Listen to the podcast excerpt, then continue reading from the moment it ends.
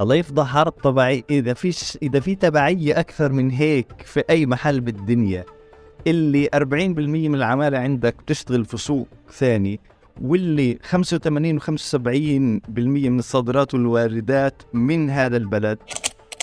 كل الورق اللي موجود بإسرائيل كان من الخليج قبل 10 15 سنة. في مهندسين يهود في إسرائيل عندهم أسهم في جوال. ألو آه أبو تايتون. ولك شو هاد ولك شو هالجماعة اللي جايب لي إياهم. بجننوك خلي الكهرباء شوي على جنب بس موضوع إنه المي كمان في إلها إيه، كرت وتحط فيها كرت. هذه مثلا تم إيه، تبنيها وقت سلام فياض. لأنه خلوا السياسة إلنا وإنتوا اشتغلوا بالاقتصاد. إحنا في طول كرم وفي رام الله نشتري كهرباء من إسرائيل غزة كانت تنتج كهرباء. صار كثير بحكي وبس شارب قهوه أحمد فيعني هاي لا هاي اللي ضل عندي. مش ضايل عندي شيء يا زلمه لا.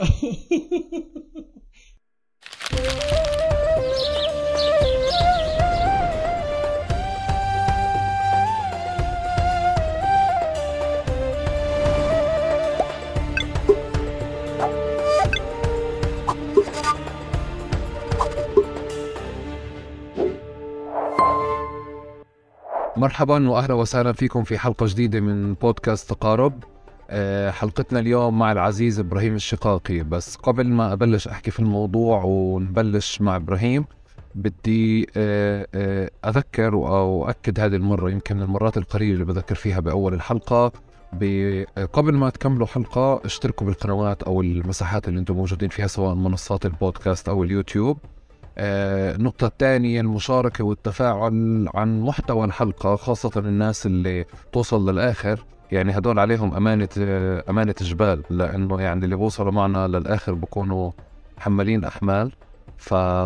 فالتفاعل والمشاركة وكمان الإشارة للمحتوى أو الأسئلة أو التفاصيل اللي بتكون موجودة بت بتساعد هذا البرنامج على الاستمرار. والنقطة الثالثة اللي بدي أكد عليها أشعره بسعدني جدا وأشعره كتير مريح وبكل حب. تبعتوا لنا آه، أي مقترحات آه، لمواضيع لأسئلة لاستفسارات. أنتم شايفين كيف تقارب عم بكون وبتساهموا وبتساعدوا بأنه هذه المساحة فعليا تكون أقرب من من ناسها ومن جمهورها. واهلا وسهلا فيكم. موضوعنا اليوم موضوع اقتصاد سياسي. إبراهيم من الناس اللي آه، في رام الله شفناه. يعني يمكن هذا قبل 11 سنة 12 سنة أو 10 سنين هيك شيء كان في محاضرة آه، آه، أسلوبه طريقة نقده كمان آه، كيف واظب وكان يحافظ على على مهارات التواصل مع الجمهور. حضرت هذيك المحاضرة وبالرغم من صعوبتها على نيو ليبرالية بأذهان كثير بأذهان كثير ناس رجعت أتواصل معه لأسأله وأحاوره وزدت عنده مجموعة كبيرة من الأسئلة اللي بتدور حول شو يعني اقتصاد وطني في فلسطين شو يعني تبعية شو يعني استقلالية بعيدا عن الشعارات وبعيدا عن النفخ اللي ممكن يكون بالتحليلات الإعلامية وبالأكاديميا وبرفع السقف والمزايدات وغيرها. فكتير ناس بتحكي عن الاقتصاد الوطني بس ما بعرف إذا في إمكانية اقتصاد وطني تحت الاحتلال. كثير الناس بتحكي عن الاستقلالية عن الاحتلال والتبعية والمقاطعة بس ما بنعرف إذا فعلا هذا الشيء ممكن. و... وجايين بحمل كبير لإبراهيم. فاهلا وسهلا إبراهيم. مرحبا يا إبراهيم. حبيبي يا بلد. حبيبي أبو أحمد. إبراهيم أنا لازم أكثر الجو. أخوي الغالي أنا مبسوط جدا إنه أنا وياك بنسجل في تقارب. يعني هذا إشي بيسعدني جدا. أهلا وسهلا فيك. حبيبي يا بلد. جدا إنه هيك لنا فترة قاعدين بنتواصل عشان الحلقة هاي بعد سنين يعني. فمنور. وأنا كثير مبسوط ويعني أنا بحب إني أخفض سقف التوقعات من الأول مع إني بحب إن الناس توصل للآخر وإن شاء الله إحنا كمان بنوصل للآخر. بس الأسئلة اللي اللي راح تكون في بالنا اللي هلا ذكرتها عن الاقتصاد هي أسئلة ما لها إجابات مباشرة اللي هي بالنسبة لي هي أفضل أنواع الأسئلة اللي هي بتخلينا نتناقش نناقش ونحكي وجهات النظر و... نحكي إيش ممكن يكون مفيد للناس اللي نحطهم بصورة الوضع ب بأفضل طريقة ممكنة عن طريقك أنت وعن طريق تعرف إبراهيم في الحالة الفلسطينية فيش إجابات. يعني هو بس أسئلة مفتوحة. بس بالآخر أنا وصلت لقناعة إنه بنفع نسأل السؤال الصح يعني بس هيك أو بنفع نتجنب نسأل أو نضل نسأل الأسئلة الغلط. وجزء منها تعا هيك بالآخر إذا بنوصل لأسئلة صغيرة واضحة بتساعدني على الأقل وأنا بسمع محلل أو سؤال أو كذا. آه، آه، نكون على الأرض مش بالهواء يعني وأكون عارف إنه فلان الفلاني هذا شاطح يعني بعيد يعني عنا أو هذا عم بكون كتير واقعي. صدقني أنا بعدين اكتشفته برضه أبو حميد إنه هذا في الاقتصاد كله وبعدين راح نكتشف إنه في العلوم الاجتماعية كلها ما في الصح وغلط وما في الجواب المباشر. بس زي ما أنت حكيت في السؤال الصح على الأقل عشان نبلش. حبيب أبو حميد. المهم أنا قلت لك جايب لك تراك كبير فبدك تتحملني للآخر. أهلا وسهلا إبراهيم. قهوه جاهزة وهينا جاهزين. طيب بالعادة إحنا بنعرف آه، الضيف بس أنا بترك الضيف يعرف نفسه كما يحب. آه، بعد سطر كتير صغير وكتير قصير هيك بس شو بتعمل اليوم وإيش بتشتغل؟ وبعدين تحكي لنا يعني عن حالك ونشأتك ووين أنت موجود اليوم. تفضل. طيب أه أنا إبراهيم الشقاقي. أه ابن طول كرم الصمود. آه، هذا جزء من تعريفي لأنه يعني الغالبية العظمى من الجزء الأول من حياتي يعني لحد ما صار واحد عمره 16 17 سنة عشت في طول كرم وتربيت في طول كرم ودرست في مدارس طول كرم وأقرب أصدقائي اللي لحد هسه بتواصل معهم من طول كرم وصار لي عشر سنين في أمريكا وأنا وزوجتي بنقعد يوم السبت والأحد على ال weekend نفتح الفجر الجديد لما يكون في سيارة ماشية حوالين طول كرم وبتمر بتنزل على شو اسمه على ال فرن ال شو اسمه ها راح من الاسم شايفه أبو عيسى. أبو عيسى وبعدين بمر أبو النضال وبروح الحمص والفول. فهذا جزء من كيف بقدر أعرف عن حالي. أنا أستاذ اقتصاد هذا جزء الشغل تبعي فبرضه له دخل في تعريفي لأنه له دخل باهتمامي كمان. ف بدرس اقتصاد كلي macroeconomics واهتماماتي في الاقتصاد السياسي اهتماماتي في موضوع عدم المساواة في موضوع التوزيع. فهذا جزء تاني من من التعريف تبعي يمكن. بشكل عام هيك بقدر أحكي. يعني شخص مهتم بالاقتصاد السياسي مهتم بتاريخ الفكر الاقتصادي ومهتم بالذات بالاقتصاد الفلسطيني جزئيا لكون الواحد فلسطيني. جزئيا لأنه بحس الاقتصاد الفلسطيني هو مثال على مجموعة من الاقتصادات المهمشة أو اقتصادات زي ما نسوي الاقتصادات في الهامش وفي الوسط. جزء ومثال من اقتصادات الهامش اللي فيه كثير عوامل مشتركة مع دول تانية. يعني إحنا بنحب الفلسطينيين دائما نقول إنه إحنا فيش إشي زينا بالدنيا. بجوز في جوانب معينة قد يكون هذا الإشي صحيح بس من ناحية اقتصادية مش مش مية في المية سليم. أوكي تمام. أنت فكرتها من ناحية اقتصادية. طيب إبراهيم بالتعريف آه، آه، بالشق الثاني بحب أعرف آه، كيف بتحب يتم تعريفك؟ أو كيف بتحب يتم وصفك؟ أم بعرفش يعني مثلا أنا بتذكر أيام ما كنا يعني شوي في حركات وفي توجهات شبابية.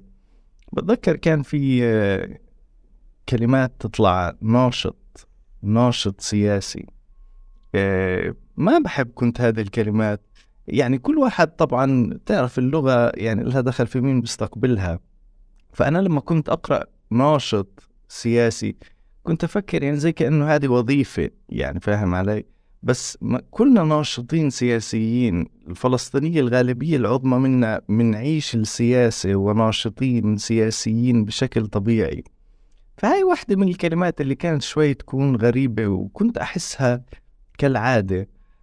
مأخوذة ومترجمة بتعرف بالإنجليزي بيحكوا political activist. بحسها هي ترجمة إلها. هذه كانت واحدة من مشاكلي الرئيسية بتذكر 2011 كتبت مقالة في الجزيرة انجلش عن هذا الموضوع. عن موضوع كيف إنه الشباب الفلسطيني مضطر يتطلع برا. كان وقتها النقاش على موضوع ال nonviolence وسلمية ولا عنفية وهاي التعريف. فكنت أحس إنه كثير مرات كنا بنأخذ أشياء خارجية ونسقطها علينا. ما كنت أحب هذا الإشي. كانت فكرتي إنه يعني في عنا كثير تجارب محلية بنقدر نطلع على الداخل وناخذ منها. بدون ما نضطر نطلع على أمثلة خارجية بالذات إنه شايف شو قلت لك رح أحكي كثير بالذات إنه برضو الأمثلة اللي, اللي كنا نأخذها يعني الناس بتطلع على أمريكا وأمريكا فيها تاريخ كبير آه، من العمل السياسي. نطلع على مارتن لوثر كينج وفي عندنا في المقابل حدا زي مالكوم إكس. نطلع على حدا زي غاندي وفي عندنا في المقابل حدا زي لنفترض آه، جيفارا وغيره وغيره. فبرضه انتقاء الشخوص لإرضاء العالم الغربي هو بالنسبة إلي واحدة من أهم المشاكل وإحنا بنحكي هلأ عن موضوع صغير زي الحركات الشبابية ولا بس تقدر تطبقه للموقف الرسمي الفلسطيني واحدة من أهم المشاكل اللي صارت عندنا بعد نهاية الثمانينات وبداية التسعينات وأوسلو هي تغير الخطاب وتغير الرواية وتغير ال ال الدستور الفلسطيني اللي غيرناه وقتها وشلنا إنه إسرائيل هي عدو. فبالتالي كانت الفكرة ولحد اليوم الفكرة الشخوص الفلسطينية الرئيسية بتحاول إنها يعني تميل لجانب الخطاب الخارجي. وأنا بالنسبة لي هذا إشكالية كبيرة. أنا بالنسبة صح. لي الحراكات اللي نجحت في العالم جابت الناس إلها مش هي راحت للناس. فهمت الناس ليش أنا بفكر هيك وليش الغالبية من شعبي بتفكر هيك وبتعمل هيك. بدل ما تحاول تبرر إنه مزبوط هذا غلط بس عشان هيك وهيك. ف يا يمكن هذه واحدة من الشغلات. شايف حلو الواحد ما يكونش يعرف الأسئلة. عشان بروح في متاهات. كيف بتحبش تعرف حالك أنت وأسئلتك غير التقليدية يا أحمد؟ يا سلامين تبطل بس أقول لك شغلة هاي أنا بحس إنه تحديدا هذه كمان كان أنا واحد من الناس اللي آه إذا إذا إذا شو مع تعريف ناشط يعني بمرحلة من المراحل أنا وياك كنا ناشطين إذا كان شو يعني شو الناس بتعمل. بس آه أنا بظن لأنه في سياق طويل إحنا بمعنى سياق طويل من النشاط الفلسطيني أو النضال الفلسطيني. ففي حالة انقطاع صارت يمكن هي بمرحلة أوسلو بظن اللي آه، بشغلي كنت أشوف سيفيات أحيانا تجينا واحد مناضل مكتوب مثلا مناضل من سنة كذا لكذا. فبعدين صار في انقطاع أوه. حرفيا وأنت موجود اليوم أنت مش ابن تنظيم أو الهيئة تبعتك اللي أنت بتشتغل فيها اليوم أو بالشارع مش ابن تنظيم. فالناس ب... يعني بتختلف بس برضه كان في تحميل بزيادة هذيك الفترة. هي هي أنا وياك يعني كنا كثير شديدين على بعض فيها. واللي هو لا فلان إنه كنا بتعرف كيف الناشطين هم؟ يعني ما كان في حدا مش ناشط. بعيب عن الناشطين غير الناشطين إحنا نفسنا تكون ليش ناشط ناشط أيوة. لحالك على فكرة ذكرتني بشغلة في آه، آه، مؤسسة روزا لوكسمبورغ في إيه. فلسطين بتذكر مرة عملوا آه، إشي كثير لطيف كانت إذا أنا مش غلطان هي دراسة عن مؤسسات الغير حكومية الان جي اوز بس في جزء منها على الأقل كان في استطلاع رأي عن العمل التطوعي وذكرت لما انت حكيت التسعينات فبيسألوا ناس اللي كانوا ناشطين في وقت الانتفاضة الأولى وبعدين في الألفينات خلينا نسميها الانتفاضة الثانية عن العمل التطوعي.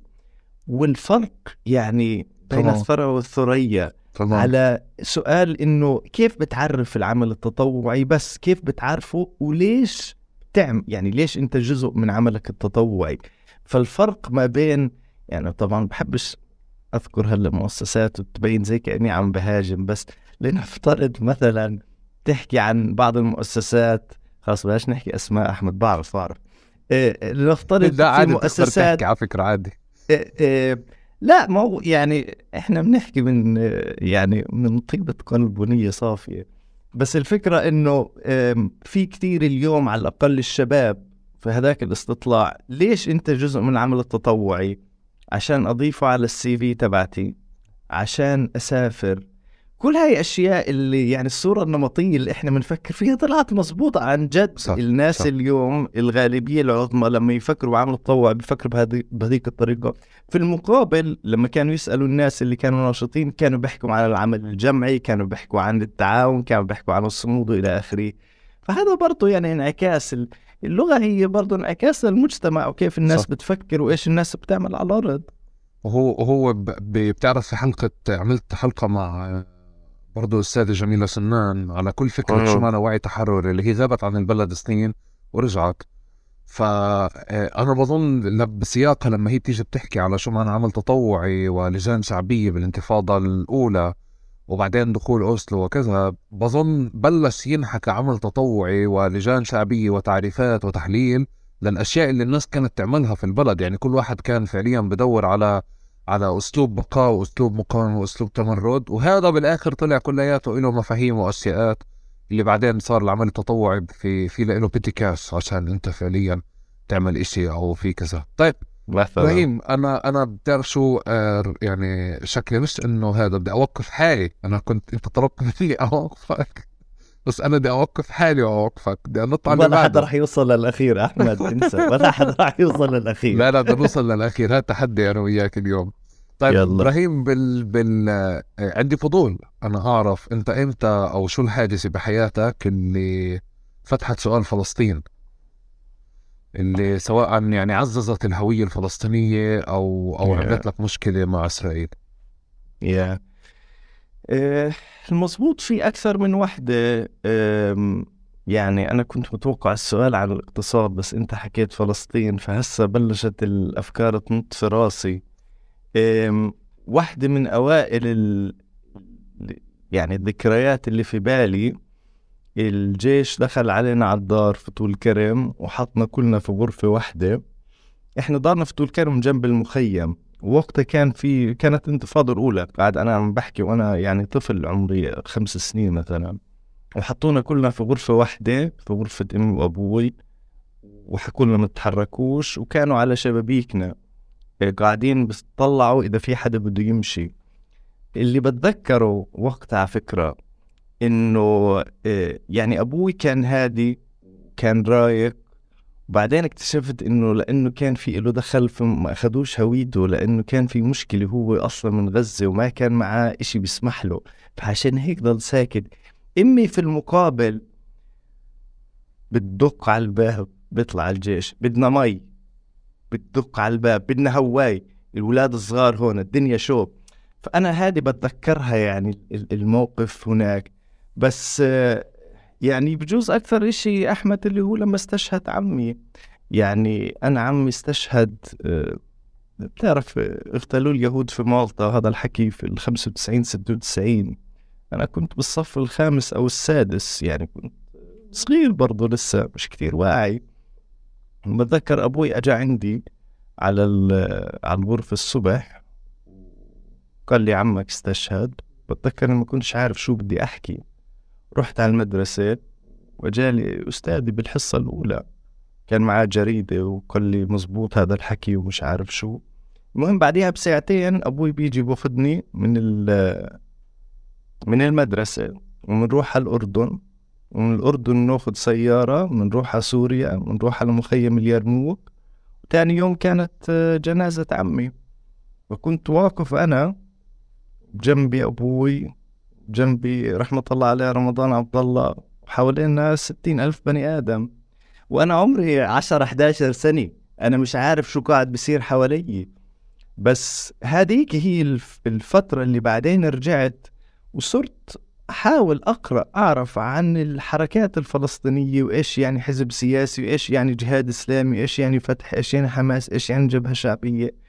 بجوز هذيك يعني وفي كمان لقطات وإحنا في مخيم اليرموك بتضلها في بالي آه، يعني كمان شغلات صغيرة مش مش كثير مهمة بس آه، هذيك اللحظة يعني كانت بالنسبة إلي يعني ما بقدر أحكي هي لحظة فارقة بس لحظة كانت من ناحية إني بدي أعرف أكثر.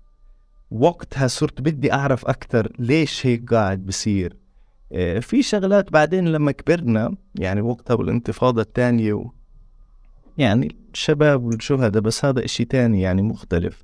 آه، في سن صغيرة يمكن هي هاي اللي أكثر إشي فتح عندي آه، خلينا نحكي نهم للقراءة السياسية. يعني كان مرة صف خامس سادس ما كنتش هذا بس على الأقل كنت بسأل وبسأل أبوي وبسأل الناس اللي حوالي أكثر عن الموضوع. إبراهيم عندي فضول أعرف كمان عن يعني بواقعنا وبفلسطين صعب أو يمكن لازم تحافظ على تمارين ما لعقلك عشان تحافظ على نقديته. أو فعليا ب بوقتها في مركب خاصة اللي بيشتغلوا بالأكاديميا يعني آه، بغرقوا. يا اما بيبعدوا عن الشارع فبدخلوا آه، بحالة إنكار إنهم بعاد عن الشارع أو بيعترفوا إنه بعاد عن الشارع بس كمان بصير شغل أكثر نظري يعني. آه، ف بدي أجرب أسألك أنت بحالتك بعيدا عن تحليل هذا الإشي بس أنت بحالتك كيف حافظت بالعشر سنين هدول؟ يعني على إيه؟ عقل على تواصل مع البلد وعلى عقل نقدي فعليا. يعني هذا السؤال مهم. منيح إنك سألت خلال عشر سنين اللي هو اللي هو الواحد برا لأنه الصراحة أحمد وإذا أنت في البلد ما بتوقع كشخص فلسطيني ممكن إنه تنفصل. يعني حياتك هي جزء من الإشي اللي أنت قاعد تحاول تنقده أو تفكر فيه أو تدرسه. كثير سهل. آه كمان في ناس بأثروا عليك. يعني كامر أنا قاعد بحكي قبل ما أجي على أمريكا هون بال 2014 يعني بتذكر وأنا في بير زيت يعني في عندي كم من أستاذ اللي أثروا علي بس من هاي الناحية كان رحمة الله عليه يعني هو توفى آه، أستاذ بهجة تيم بهجة تيم آه، كان أستاذ اقتصاد بس ما كان يدرسنا اقتصاد. يعني كنا ندرس اقتصاد طبعا كنا نغطي ال courses ال material اللي هو بس كان كان يصرخ علينا كثير. كان حرفيا يصرخ علينا إنه افتحوا مخكم إنه كونوا نقديين إنه ما تأخذوا الإشي. بتذكر دائما كان يحكي لنا أنتوا بدكم واحد يجي يفتح تمكم يحط لكم التفاحة فيها ويمسك راسكم ويعمل هيك وأخرى شوي يزقها لجوا. وكان يحكي لنا إنه إحنا لازم نكون يعني مستقلين فكريا. هذه كانت فكرته إنه ما تأخذ الحكي مباشرة إنه فكر وانقد وإلى آخره. فهذا بشكل عام يعني خلى يعني أنا متأكد كثير ناس مع أو مع اساتذه ثانيين كانوا كثير يعني رائعين من هاي الناحية. لما الواحد يبعد برا أحكي لك أحمد بصراحة صعب إني أنا أحكي لك إنه يعني خلال هذول العشر سنين ضل الواحد في نفس التواصل من ناحية الواحد يفهم إيش اللي عم بيصير على الشارع إيش عم بيصير في فلسطين مش زي قبل. قد ما أنا بحاول أحكي إنه الواحد بتبع والواحد بضل بالذات على تواصل طالما أهلك وأصدقائك هناك وأنت على تواصل معهم. دائما هذا الإشي مفيد جدا. بس أنا من بعد ثلاث أربع سنين وأنا هون كل ما أرجع على البلد عادة بالصيف الواحد بيرجع كم من شهر كل مرة بفكر إنه أنا عم بطلع على الإشي بشكل مختلف هل هو حقيقة مختلف الوضع ولا أنا تغيرت وبالتالي صرت أطلع على الموضوع بشكل مختلف. بيعطيك مرات كونك بالخارج بيعطيك نظرة مختلفة عن لما تكون بالداخل وهذه إضافة وهذا إشي مفيد. بس في المقابل بتفتقد الأشياء الصغيرة اللي كثير برضو مهمة وما في محل أهم من هيك بالنسبة لي أكثر من الاقتصاد. الأرقام في كل النماذج وكل الأمثلة بالعالم الأرقام بس بتعطيك جزء من الصورة. خلينا نحكي يا سيدي 50 أو 60% من الصورة. بعدين لازم تدرس التاريخ لازم تدرس المؤسسات لازم تدرس كثير أشياء عشان تفهم اقتصاد. في فلسطين هذا يدوب يعطيك 10 أو 20% فبالذات في فلسطين خلينا نحكي من ناحية اقتصادية لما بتطلع الأرقام ما بتعطيك وبتضطر إنك أو لازم تعرف أكثر عن إيش عم بيصير في البلد سياسيا مجتمعيا إيش عم بيصير في شلة ال 15 حدا اللي ماسكين شركات البلد اللي بتغيروا. هذه شغلات يعني كم مرة حتى لو أنا كل يومين ببعت مسج لكفاح ولا عصمت ولا رامي ولا برهوم السيد اللي في البلد يعني مش راح نحكي عن كل التفاصيل هاي. ففي بدون شك أحمد بصير في فصل شوي. لما الواحد يكون محظوظ زيي اللي يكون موضوع البحث تبعه هو فلسطين بالتالي جزء من شغله بيكون مرتبط بشكل مباشر في إنه يقرأ عن فلسطين ويضل متبع على فلسطين. يمكن لو أنا مهندس هون أو يعني نفترض في تخصص معين ما بلزمني إني أقرأ وأتابع على فلسطين ممكن هذا الموضوع يكون مختلف.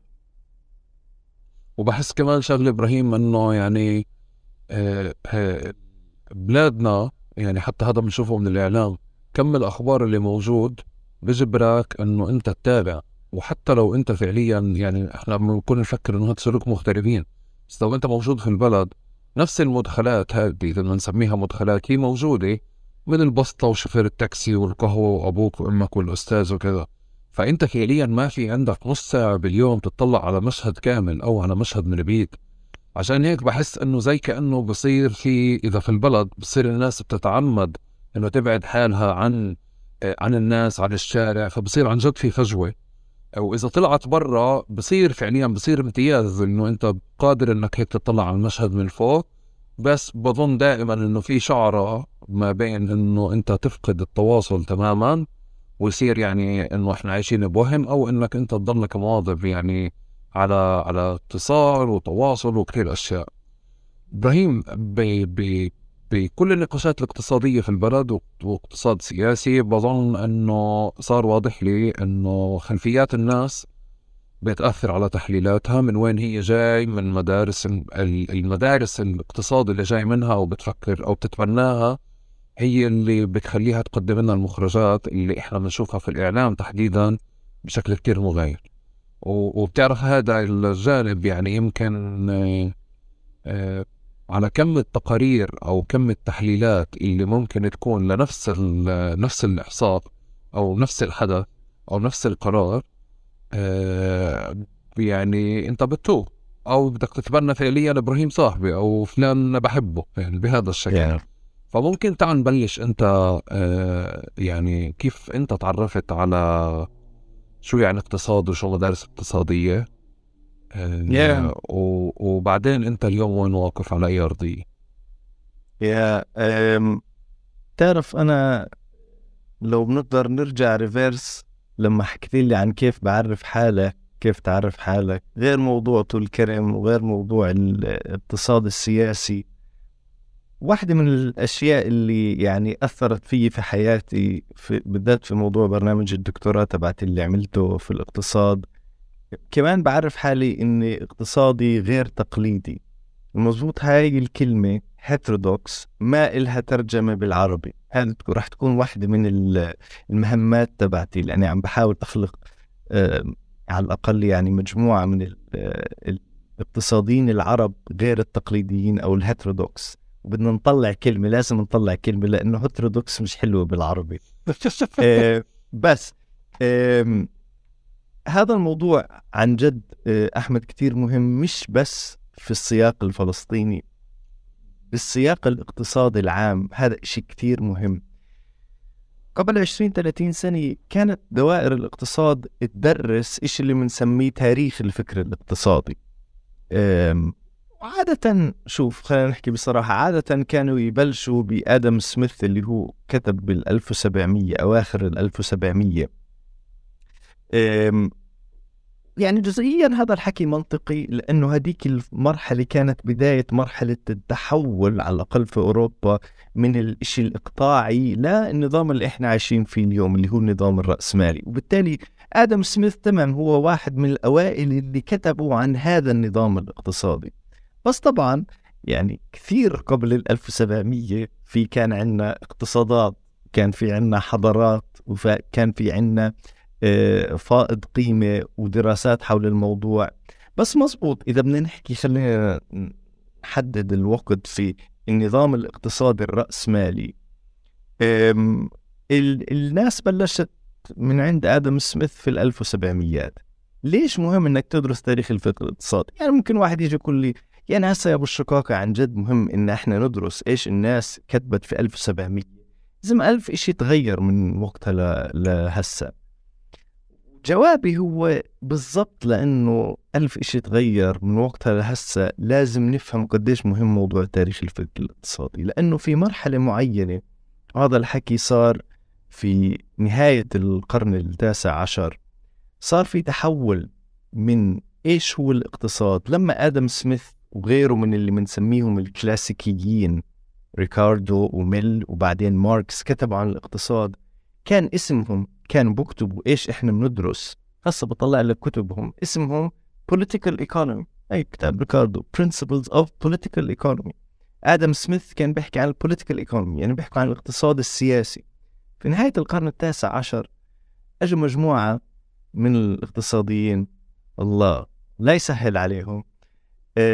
كان في عندهم مبدئيا مشكلة مع ماركس لأنه ماركس كان عم بيحكي إنه القيمة بخلقها العامل. وإنه في عم بصير في استغلال من ناحية تقنية يعني إيش يعني exploitation. ما كان عاجبهم هذا الحكي.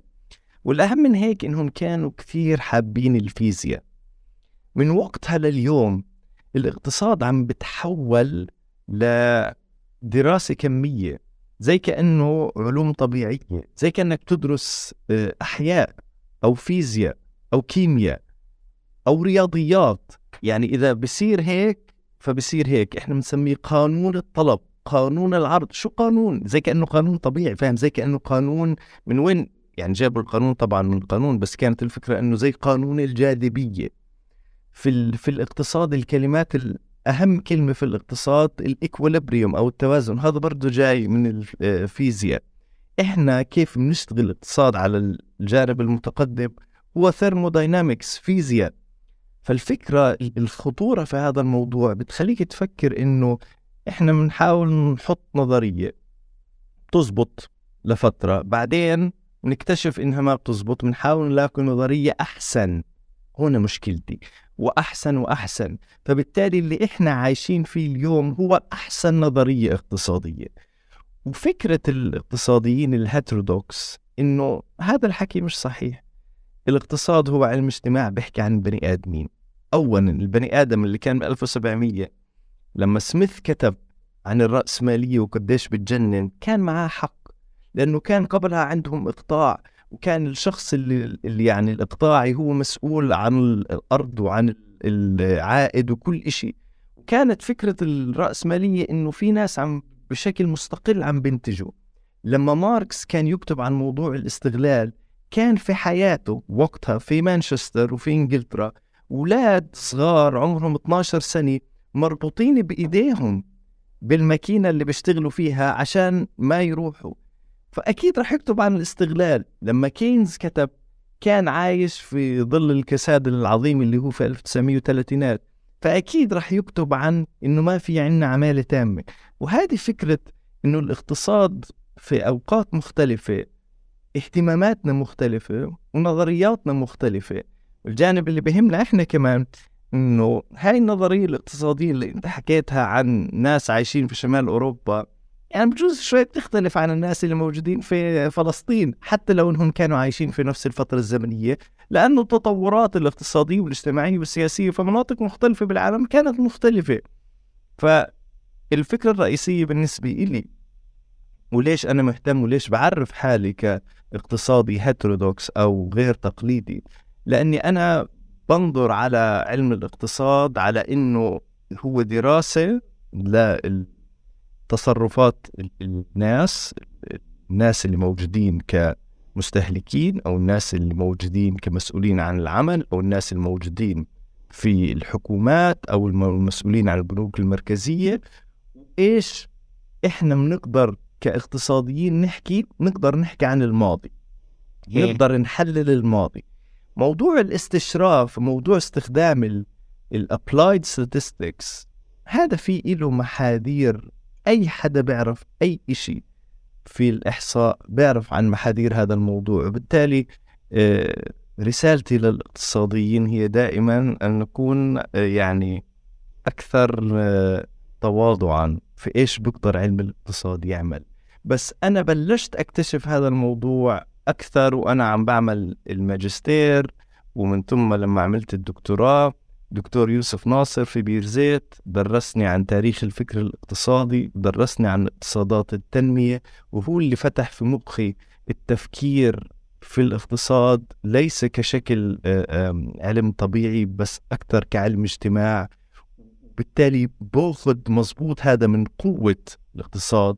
لأنه الاقتصاد بيلعب دور كثير مهم لأنه بحكي لك إذا بتعمل هيك هذا اللي راح يصير نقطة أول السطر.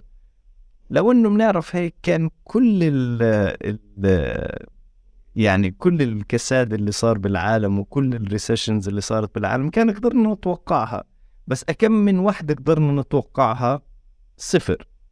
فيعني تشدوش على حالكم وعلى رأي ال ال البرنامج أرجوك ما تفتيش يعني.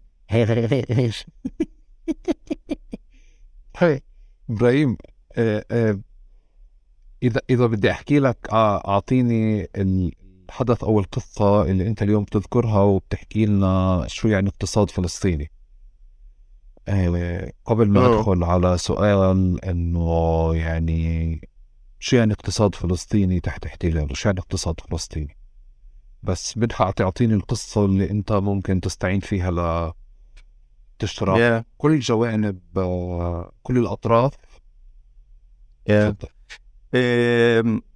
يعني في أكثر من حدث في حدث بالنسبة إلي كان مهم اللي هي لما أخذت كورس اقتصاد فلسطيني مع الدكتور محمد نصر في جامعة بيرزيت وكتبت واحدة من أوائل البحوث اللي كتبتها عن العمل الفلسطيني في إسرائيل آه، كنت قبلها بجوز كاتب بحث وإحنا بالصف السابع أنا وعنان الكزمار عن غسان كنفاني وبعدين في الدراسات الثقافية كتبت بحث عن العلاقة بين ابن لادن وسيد قطب. بس هذا كان أول واحد بتذكر إني عن جد دخلت فيه بال... بالاقتصاد الفلسطيني وكذا هسا فعليا قبلها بجوز بخمس ست سنين آه في فترة هيك أكم من شهر اشتغلت في مشغل مخدات صغير في طول كرم. هيك كان في مخزنين جنب جامع اليونس كنت أنا وكمان صديق لي. كنا ثلاثة فعليا مرات ثلاث مرات أربعة في المشغل.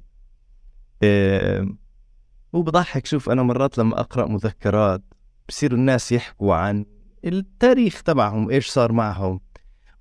بكتبوها بطريقة زي كأنه يعني كل شيء كان مرتب. صارت هاي الحادثة وفكرت كذا وبعدين هاي الحادثة. وهيك خلق عندي فهم ووعي وأنا في راسي بقول لك والله إنكم كذابين. يعني وقتها وقتها ما كنت أفكر. يعني هسه بعد هسه عمري 40 سنة تقريبا. وقتها كان عمري 15 16 سنة وأنا بشتغل مشروع مخدرات ما كنت أفكر زي هسه. يعني هسه برجع لحالي وبتذكر شغلات صغيرة كنت أفكرها. يعني كنت أفكر إنه طب إحنا بنعملنا أبو كم من 100 مخده في اليوم وأنا باخذ 25 شيكل باليوم. طب يعني قديش بتنباع المخده يحرق يعني معقول لهالدرجة يعني أنتوا عندكم تكاليف ثانية. ما إحنا بنعرف المخزن معفن يعني. قديش تدفع كهرباء؟ تخوتوا فيعني طبعا اليوم واحد دارس اقتصاد سياسي ودارس شوي اقتصاد ماركسي بفهم يعني هسه شو معناته كيف ممكن تأثيره. الجانب الثاني كان له دخل بإسرائيل. جزء من الإنتاج كان اللي هو بسموه تعاقد من الباطن. يعني بشكل رئيسي إسرائيل بتبعت لك المواد بتشغل إبراهيم ب 25 شيكل باليوم وبتظبط المخدة وبتحطها بالكيس وبتسكر الكيس بهاي هذا وبتبعت لهم إياه وبعدين هم بيرجعوا ببعتوه للسوق تبعك ابصر قديش تشتري المخدة.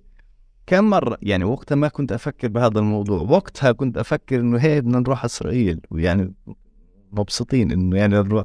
بس يعني بعدين اليوم لما نفكر لما صرت أعرف شو يعني تعاقد من الباطن لما صرت أعرف إنه وين القيمة المضافة فعليا بتنخلق ولما أقعد أعرف عن شو العلاقات بين الاقتصادات اللي فيها يعني capital intensive رأس مال و labor intensive العماله موجوده فيها قوية صرت أفكر في هذيك التجربة كوحدة من التجارب الأولى اللي خلتني أفكر بالاقتصاد الفلسطيني. وقتها وقتها يعني كانوا أهلي رايحين على رام الله وأنا بديش أروح معهم على رام الله ومعيش مصاري أوكل فبدي إنه يكون معي مصاري أجيب السندويش الهمبرجر من عند رؤوف. هذا فعليا كان الإشي اللي كنت أفكر فيه. بس كمان مرة يعني الواحد لما يطلع لورا بربط الشغلات الصغيرة اللي كان يفكر فيها فعليا في إيش بعمل اليوم. يعني أنا لليوم بكتب عن الأعمال الفلسطينية وإسرائيل وأنا لليوم بكتب يعني كتبت وبكتب وفي عندي مقالة جديدة في هيستوريكال آه، يعني مجلة محكم من شوي بتطلع على الجانب السياسي الماركسي. برضو عن هذا الموضوع.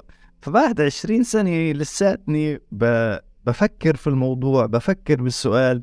فأنت بتقول يعني أنا جايب لك آه، شاحنة أسئلة.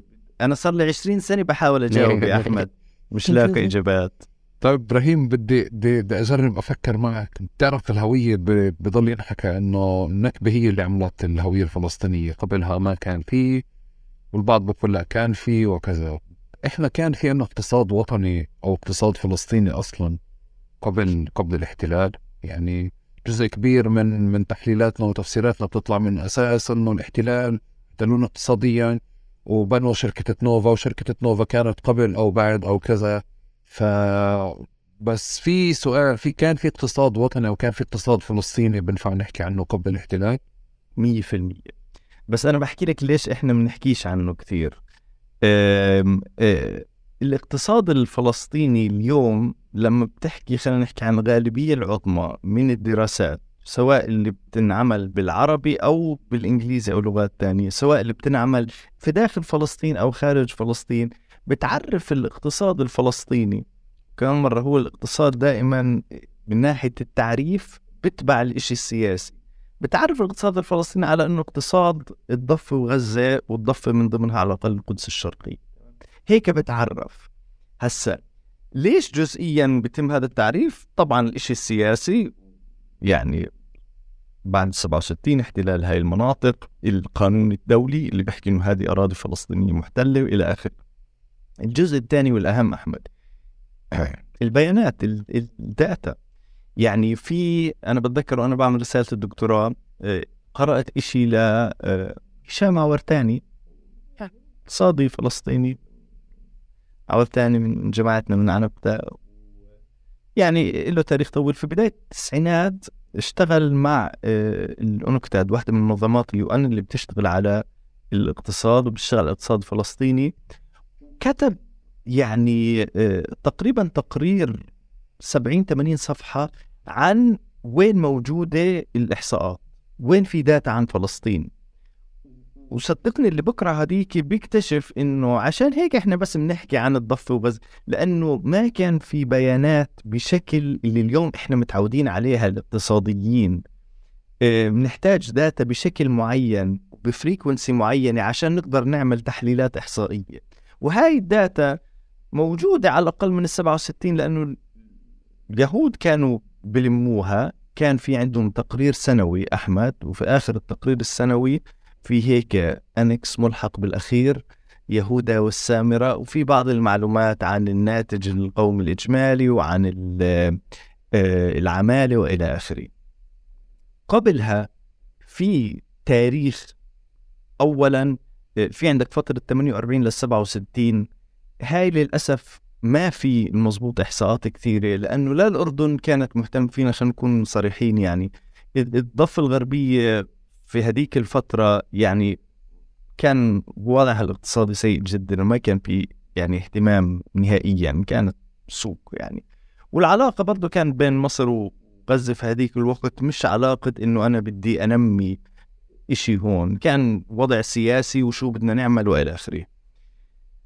بس الفكرة إنه طبعا كان في من وقت الانتداب في بعض الإحصاءات بس إحصاءات متفرقة. فأنا أول شيء عم بحكي لك هيك عشان أشرح لك ليش مش عم ببرر بس عم بحكي لك ليش كثير من الدراسات الاقتصادية بتركز على فترة بعد ال 67 هلأ قبلها طبعا كان في عنا شيء اسمه اقتصاد فلسطيني في دراسات يعني هذا هذا اللي أنا بحكيه أحسن إشي كتب عن الاقتصاد الفلسطيني ما قبل السبعة وستين هم مش اقتصاديين هم اللي كانوا دارسين تاريخ هم الناس المهتمين بالتاريخ بتطلعوا على الأرشيف وبتطلعوا على البيانات و...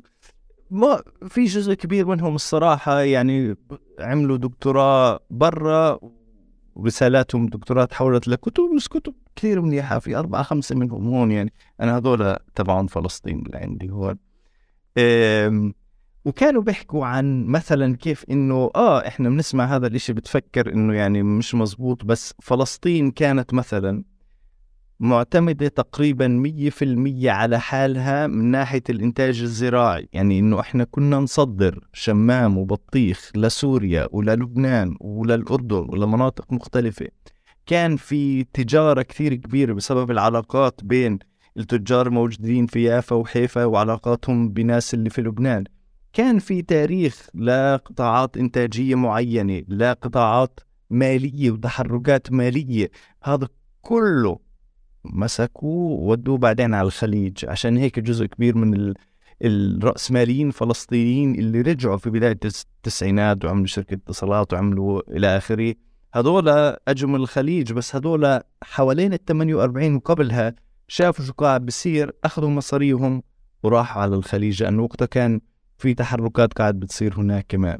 ف ال ال الشيء الأول اللي صار في ال 48 هو اللي قضى على الاقتصاد الوطني الفلسطيني اللي كان موجود وقتها. كان في علاقات مع آه، آه، خلينا نسمي الاقتصاد اليهودي وقتها تمام؟ قبل ما 48 وقبل دولتهم. بس الاقتصاد الفلسطيني وجوده وتاريخه في كثير دراسات عن هذا الموضوع اتحطم مع ال 48 لما أجت ال 67 اللي هو كان خلص. الشوي اللي كان ضايل بالضفة بالذات أقل في غزة غزة فعليا كانت تعرف الغالبية العظمى منها لاجئين. يعني فعليا الناس لا في عندهم رأس مال ولا في عندهم محل يروحوا العمالة تبعتهم فيها. ففي الضفة كان في بقايا بالسبعة وستين هذا الحكي اختلف وصار في عنا إشي جديد يطلع ضعيف وهش. متأثر بالجانب الخارجي بشكل كبير هذا اللي حاليا إحنا بندرسه اليوم. هذا هو الفرق. أنت باي سنين بتحكي آه، على يعني بلش عنا إشي هش وجديد؟ 67 67 okay. طب آه بنفع تحكي لي شو عملت كمان أكثر آه إسرائيل على يعني عشان نحكي على إذا بدنا نحكي احتلال اقتصاد. ب ب معلش قبل ما نحكي عن إسرائيل بنفع تعطيني أو تخبرني على نماذج أخرى ل آه، شو يعني احتلال اقتصاد من خلال مثلا نماذج أخرى صارت في بلاد تانية؟ قبل ما ندخل هيك أكثر على شو شو يعني احتلال فلسطين واحتلال اقتصادها والتبعية الاقتصادية اللي موجوده يا يعني هسا في بعض الأمثلة اللي كان فيها خلينا نحكي تدخل عسكري مباشر. يعني كثير مرات الناس بتطلعوا على كشمير وبتطلعوا على باكستان والهند هناك. بالنسبة إلي اللي صار في جنوب أفريقيا وكيف صار في توزيع للعمل من ناحية إنه رأس المال يجي من الأبيض والعمالة تيجي من الأسود وهذا إشي كثير قريب بفلسطين. حتى اللي صار بشكل شوي مختلف في آه، ألمانيا لما صارت ألمانيا الشرقية والغربية. على فكرة كوريا الجنوبية والشمالية كمان مثال كثير مهم يندرس لأنه قبل ما تصير كوريا الجنوبية كوريا الجنوبية اللي إحنا بنحكي عنها اليوم. كوريا الجنوبية واحدة من الدول القليلة اللي قدرت تتحول من دولة خلينا نحكي ضعيفة إلى دولة متقدمة اقتصاديا. بس قبل ما يصير الدعم الأمريكي وقبل ما يصير في تغيرات كثير مؤسسية فيها كوريا الشمالية كانت أقوى اقتصاديا لأنه كوريا الشمالية في هذيك الوقت الفحم وال الأشياء اللي موجودة للطاقة كانت موجودة فيها مش في كوريا الجنوبية بس لكثير أسباب. المهتم بقدر ألاقي الورقه اللي كتبتها عن كوريا الجنوبية وأنا سنة ثانية دكتوراه. لكثير أسباب آه، كوريا الجنوبية هي اللي اللي مشت. هسه هاي بعض الأمثلة اللي فيها بشكل مباشر خلينا نحكي انفصال وتحول في اقتصادات آه، وهذا الفرق الهائل اللي صار. بس تقدر تطلع مثلا على دول أمريكا الجنوبية وعلاقتها بعدين بدول المحور كمثال كتير كبير عشان هيك أصلا فكرة التبعية في بداياتها أجت من اقتصاديين من أمريكا اللاتينية من أمريكا الجنوبية اللي كانوا بيحكوا فيها عن العلاقة ما بين اقتصادات المحور واقتصادات الوسط. ف يعني في كتير أمثلة بس يعني اللي عم بيصير اليوم هو أصلا انقسام لدول بتعرف الجنوب العالمي والشمال العالمي. بتقدر تحكي عن ديناميكيات العلاقة الاقتصادية بين الشمال والجنوب؟ مثال فلسطين. إذا بتطلع على كيف شكل الاقتصاد الإسرائيلي وكيف شكل الاقتصاد الفلسطيني تقريبا نموذج مباشر لكيف اقتصادات الجنوب العالمي والشمال العالمي موجودة. أوكي طيب إبراهيم إذا إذا بدي أكمل معك لما بعد ال 67 عشان أفهم كيف تشكلت التبعية. بمعنى كيف إيه. تم ربطنا بالكامل آه، بإسرائيل. وما بعرف هسه وإنت قاعد بتحكي قاعد برجع لطول كرم يمكن بصورها ما قبل ما قبل أوسلو. بلادنا كانت كثير فقيرة. يعني أوه. يعني في في إشي اللي صار ضخ مصاري خرافي. وإذا بدي أجي بتعرف في صورة ما بعرف لين ضربت في راسك وبالفكره على مكاتب التكاسي أيه. على المواصلات العامة إنه يعني آه، فجأة صار في ال BM والمرسيدس وال وال والأودي تكون تاكسي وأنا صراحة نفسي أكون لما رحت على الجامعة كنت اخبيهن هذول ما رضاش أقول لهم إنه عندنا تاكسي إحنا مرسيدس و BM لأنه صعب جدا علي أفسر كثير أشياء. بس قبلها يعني الناس كانت آه، تعبانة كانت فقيرة. هيك أنا بتهيأ لي البلد كانت أكثر شحوب. أكثر شحوبا يعني. فبنفع إيه. تعال هيك نبلش؟ تفضل. هسه كثير شغلات هسه أنت. أنا أنا أنا نكشت لك صورته كرم بانه شاركتك فيها بس. آه، طيب. آه، لأنه بحس إنه في محطة أوسلو اللي رح نحكي عنها كثير ما بعدها. بس قبلها بدي بدي أفهم أكثر بيزك كيف كانت حاضرة عندنا آه، البريد كيف كان حاضر عندنا. بدي شوي بس أرجع نتفي لأنك أنت قلت يعني إيش مثلا إيش الاحتلال عمل بشكل مباشر وبعدين في بشكل غير مباشر؟ الاقتصاد الفلسطيني فعليا خلال آخر 100 سنة وأكثر كان دائما يعني بدون ما نحط يعني هذه شماعة بس دائما كان في ضغط خارجي عليه. يعني من أيام الانتداب البريطاني يعني انتداب بريطاني شوف الحيونة والحقارة يا زلمة. كانوا آه، عشان يساعدوا الاقتصادات اليهودية ويضروا بالاقتصاد الفلسطيني كان يشوفوا طيب الفلسطينيين بيزرعوا بندورة okay؟ اليهود بياخذوا البندورة وبيعملوا رب بندورة okay؟ فإيش إحنا بدنا نعمل؟ بيجوا بيحكوا لك بدنا نفرض ضرائب كثير عالية على رب البندورة الجاي من برا. وبالتالي بصير رب البندورة جاي من برا كثير غالي والناس بس بتشتري من الإشي الإسرائيلي تمام؟ في المقابل بدنا نسمح للبندورة تيجي من بلاد تانية بدون ما نحط عليها أي ضرائب.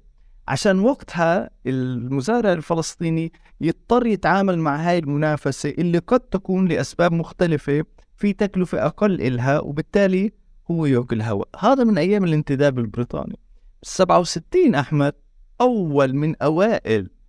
تعرف من ال 67 فعليا لبداية التسعينات ولليوم في مناطق سي يعني إذا مش في كل الضفة على الأقل اليوم لأنه غزة شوي اختلف فيها الوضع آه، كانت محكومة بالأوامر العسكرية. يعني هذه هي القوانين. القوانين كانت أوامر عسكرية. ومن أوائل ال ال الأوامر العسكرية كانت إشي اللي بحد من النشاط التجاري والمالي الفلسطيني إغلاق البنوك اللي بتشتغل فلسطين. يعني برضه يا جماعة كانوا فاهمينها صح يعني قضوا على الشيء الصغير اللي كان مخلوق آه، اقتصاديا على الأقل في الضفة وغزة من خلال الأوامر العسكرية. فهذا لسه قبل ما نبلش نحكي عن تبعية. يعني إحنا بنحكي صار هذا الاحتلال اجت أوامر عسكرية. قبل ما نحكي عن ديناميكيات 40 و50 سنة وكيف خلال 40 50 سنة تم التأثير. ففي سياسات وقوانين يعني زي قوانين الضريبة هاي زي قوانين اللي دخل بالأوامر العسكرية الموضوعة في البنوك اللي على طول أثر. هسا النقطة الثانية لأن في ثلاث نقاط في رأسي قلت لك مش هذا راح يخلص اليوم أحمد. النقطة الثانية النقطة الثانية آه، مرتبطة بشكل مباشر في سوق العمل وسوق التجارة. يعني سوق العمل أنت بتحكي عن بالذات أول عشرين سنة من الاحتلال بين ال 67 وال 87 بحدود يعني بال 87 قبل الانتفاضة الأولى أحمد كان 40% من الأعمال الفلسطينية بتشتغل بإسرائيل. 40% يعني أنت عارف لو إنه الإحصاءات الاقتصادية عن جد معبرة اليوم في عندنا 25% بطالة في فلسطين هذا مش يعني مش معبر. لأنك أنت بتحكي عن لسه في 15 20% مسموح لهم يشتغلوا بإسرائيل. بس هدول إسرائيل قررت آه، تخلص. إيش هو الاقتصاد المحلي اللي راح يقدر يستوعبهم؟ عادة لما تسكر إسرائيل أحمد جزء صغير منهم بروحوا أهلهم بكون أهله في العزبة هون في عنده أرض هون بيشتغلوا فيها شوي. فلما إسرائيل تسكر عادة على العمال الفلسطينيين بتشوف الإحصاءات قطاع الزراعة شوي بزيد. إنتاجيته ما بتزيد بس قديش بساهم في تشغيل بزيد شوي. بس هذا هو الاعتمادية على سوق العمل. دائما في عندي طبعا أكيد هون أنت ما راح تسمح لي بس دائما في عندي يعني بفرجي لما أعمل محاضرات بفرجي جراف في متغيرين. نسبة العمال الفلسطينيين بيشتغلوا بإسرائيل ونسبة البطالة في فلسطين. وزي كأنهم مراية. لما واحدة تزيد واحدة بتقل. أول عشرين سنة آه، في آه، تحت الاحتلال آه، أحمد. نسبة البطالة في فلسطين كانت 2 أو 3% تخيل؟ يعني أحسن من أمريكا اليوم. اليوم عندهم 3 ونص أو اللي هو. ليش؟ لأنه الغالبية العظمى كانوا بيقدروا يشتغلوا بإسرائيل. لما صارت وفي عدة أسباب طبعا الانتفاضة الأولى كانت شيء رئيسي بعدين حرب الخليج بالتسعينات شيء ثاني بعد يعني في مواقف معينة صار فيها إغلاقات أكثر يعني بتعرف. قبلها ما كان في أصلا موضوع التصاريح ومش تصاريح هذا بعد الانتفاضة الأولى آه، بعد حرب الخليج صارت موضوع كل الهويات والتصاريح بالشكل اليوم اليوم على الآب أصلا طلعوا التصاريح فلما كنت تشوف إنه كان يسكر وكان في فرص العمل في إسرائيل تقل على طول نسبة البطالة تزيد. هذا عم نحكي عن الاعتمادية على سوق العمل بس بعدين بتطلع على سوق البضائع. يعني خلال فترة الاحتلال لليوم بالمتوسط يعني تخيل أنت هاي الأرقام بالمتوسط 85% من صادراتنا لإسرائيل. و70 ل 75 من وارداتنا من إسرائيل. الله يفضح عرض طبيعي. إذا فيش إذا في تبعية أكثر من هيك في أي محل بالدنيا اللي 40% من العمالة عندك بتشتغل في سوق ثاني واللي 85 و75% من الصادرات والواردات من هذا البلد ما في. وهذا كله إحنا بنحكي عن ديناميكية اقتصادية. أنت عارف عم لو تحكي للشخص العادي تبعية رح يحكي لك أشياء تانية كثير مهمة اللي هو الاعتمادية على الكهرباء مثلا مي يعني فاهم علي لسه في كثير شغلات تانية بس أنا بس بحكي عن هذول السوقين اللي هم بيحددوا العوامل الاقتصادية الكلية اللي هو الإنتاج والبطالة وبعدين التضخم اللي هو شيء تاني. هذول السوقين سوق العمل وسوق البضائع كثير مهم. النقطة الثالثة والأخيرة اللي أنت حكيت عنها هذا نقاش إيه، طويل ومثير للاهتمام. إيه، قبل الأوسلو الإنتاج وبالتالي الدخل الفلسطيني ما كان كتير كبير بس ما كان في فروق. أنا عم بحكي إحصائيا. هسا إحنا بجوز يعني اللي عايشين كنا بالتسعينات هيك أواخر الثمانينات ما كناش كثير بجوز صاحيين حالنا وأنت أصغر مني لسه بقيتش بس يعني بالتسعينات اللي, اللي قبل قبل ما تيجي السلطة يعني بقينا نروح على المدرسة. يعني بقى ابن الهاضة عيلته كذا بدون ذكر أسماء وابن الهاضة. فيش غير عيلتين. يعني اللي وضعهم منيح ومعهم مصاري. بيشتغلوا بالتجارة وإحنا عارفين مين هم. تمام؟ يعني فعليا كانوا عيلتين أغنياء. وكان في طالب أو طالبين معروفين إن هدول معترين هدول وضعهم سيء. بس إحنا صفنا بقى في خمسين بقى اثنين أغنياء واثنين عن جد اللي نسميهم فقراء. وال40 حب 40 كلنا زي بعض كلنا نفس البوت الحب أبو 15 شيكل نشتري. لما تصير عيد وحدا أبوه يقدر يجيب له مكاسه بقينا نقعد سنتين وإحنا نكيف عليه. يعني كان في أشياء التوزيع موضوع التوزيع وموضوع المساواة في الدخل والثروة آه، كان في أقل عدم مساواة. inequality كانت أقل. بعد التسعينات صار في ضخ مصاري من ثلاث محلات. شوي شوي. أول وحدة من الدعم الدولي. تمام؟ إسرائيل حسب القانون الدولي هي لا زالت المفروض حتى بعد أوسلو المسؤولة عن الويلفير تبع السكان. حتى الناس تمام؟ إسرائيل بطلت ثروه صح؟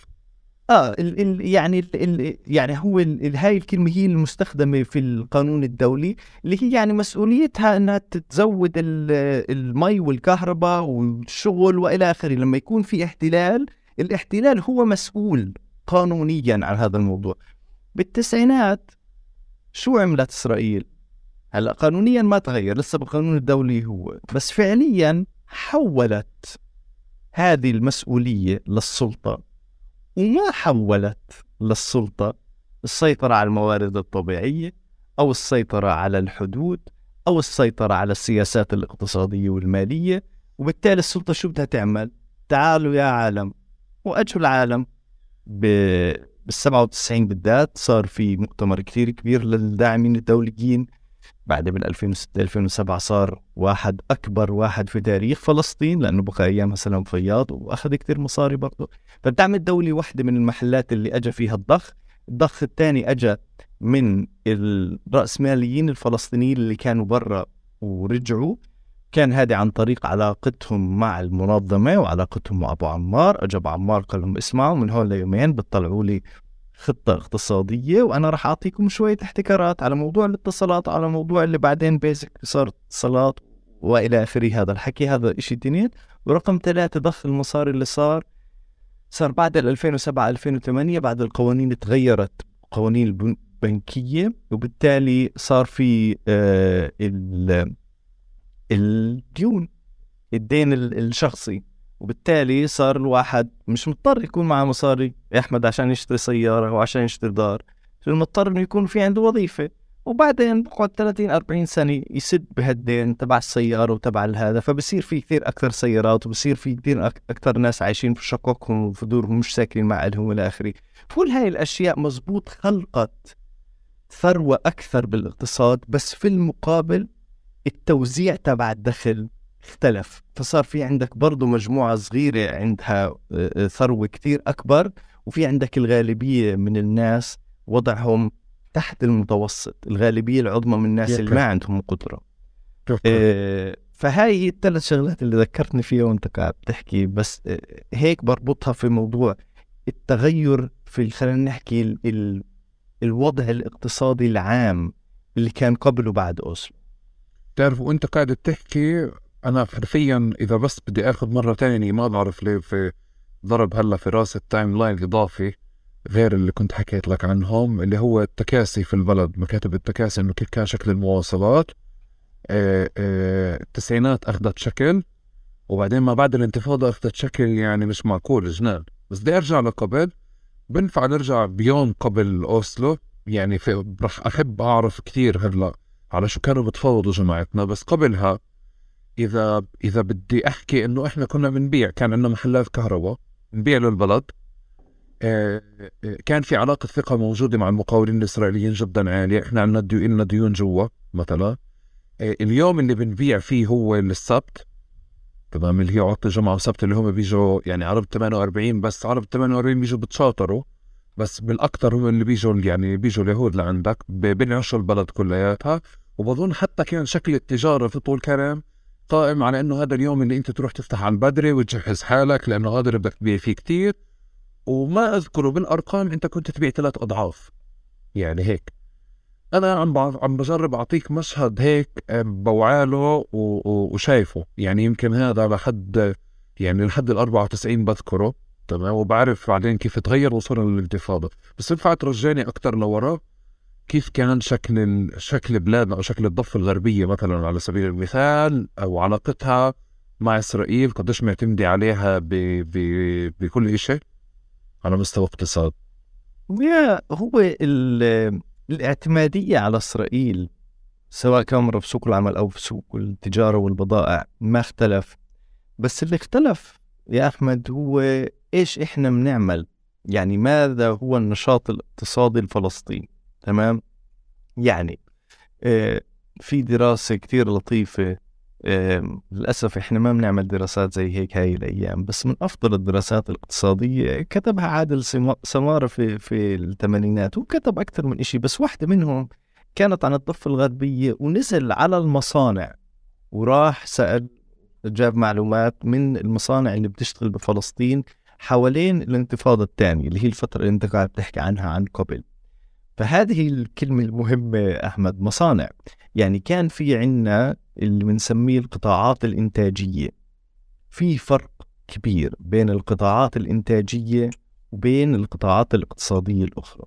يعني كان مرة في في نوعين من الربح. في ربح بيجي من التجارة وربح بيجي من الإنتاج.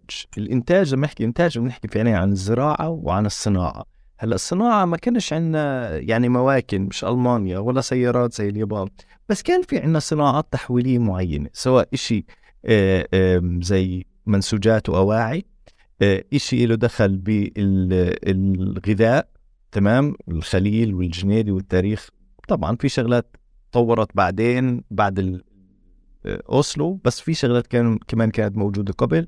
الأحذية في كان في عنا أنواع من الصناعات الربح اللي بيجي من التجارة هو يعني شخص بيستفيد وشخص لا. يعني نفترض أنا تاجر وبشتري إشي ب 100 شيكل وببيعك إياه ب 120 الربح تبعي ال 20 هو خسارتك.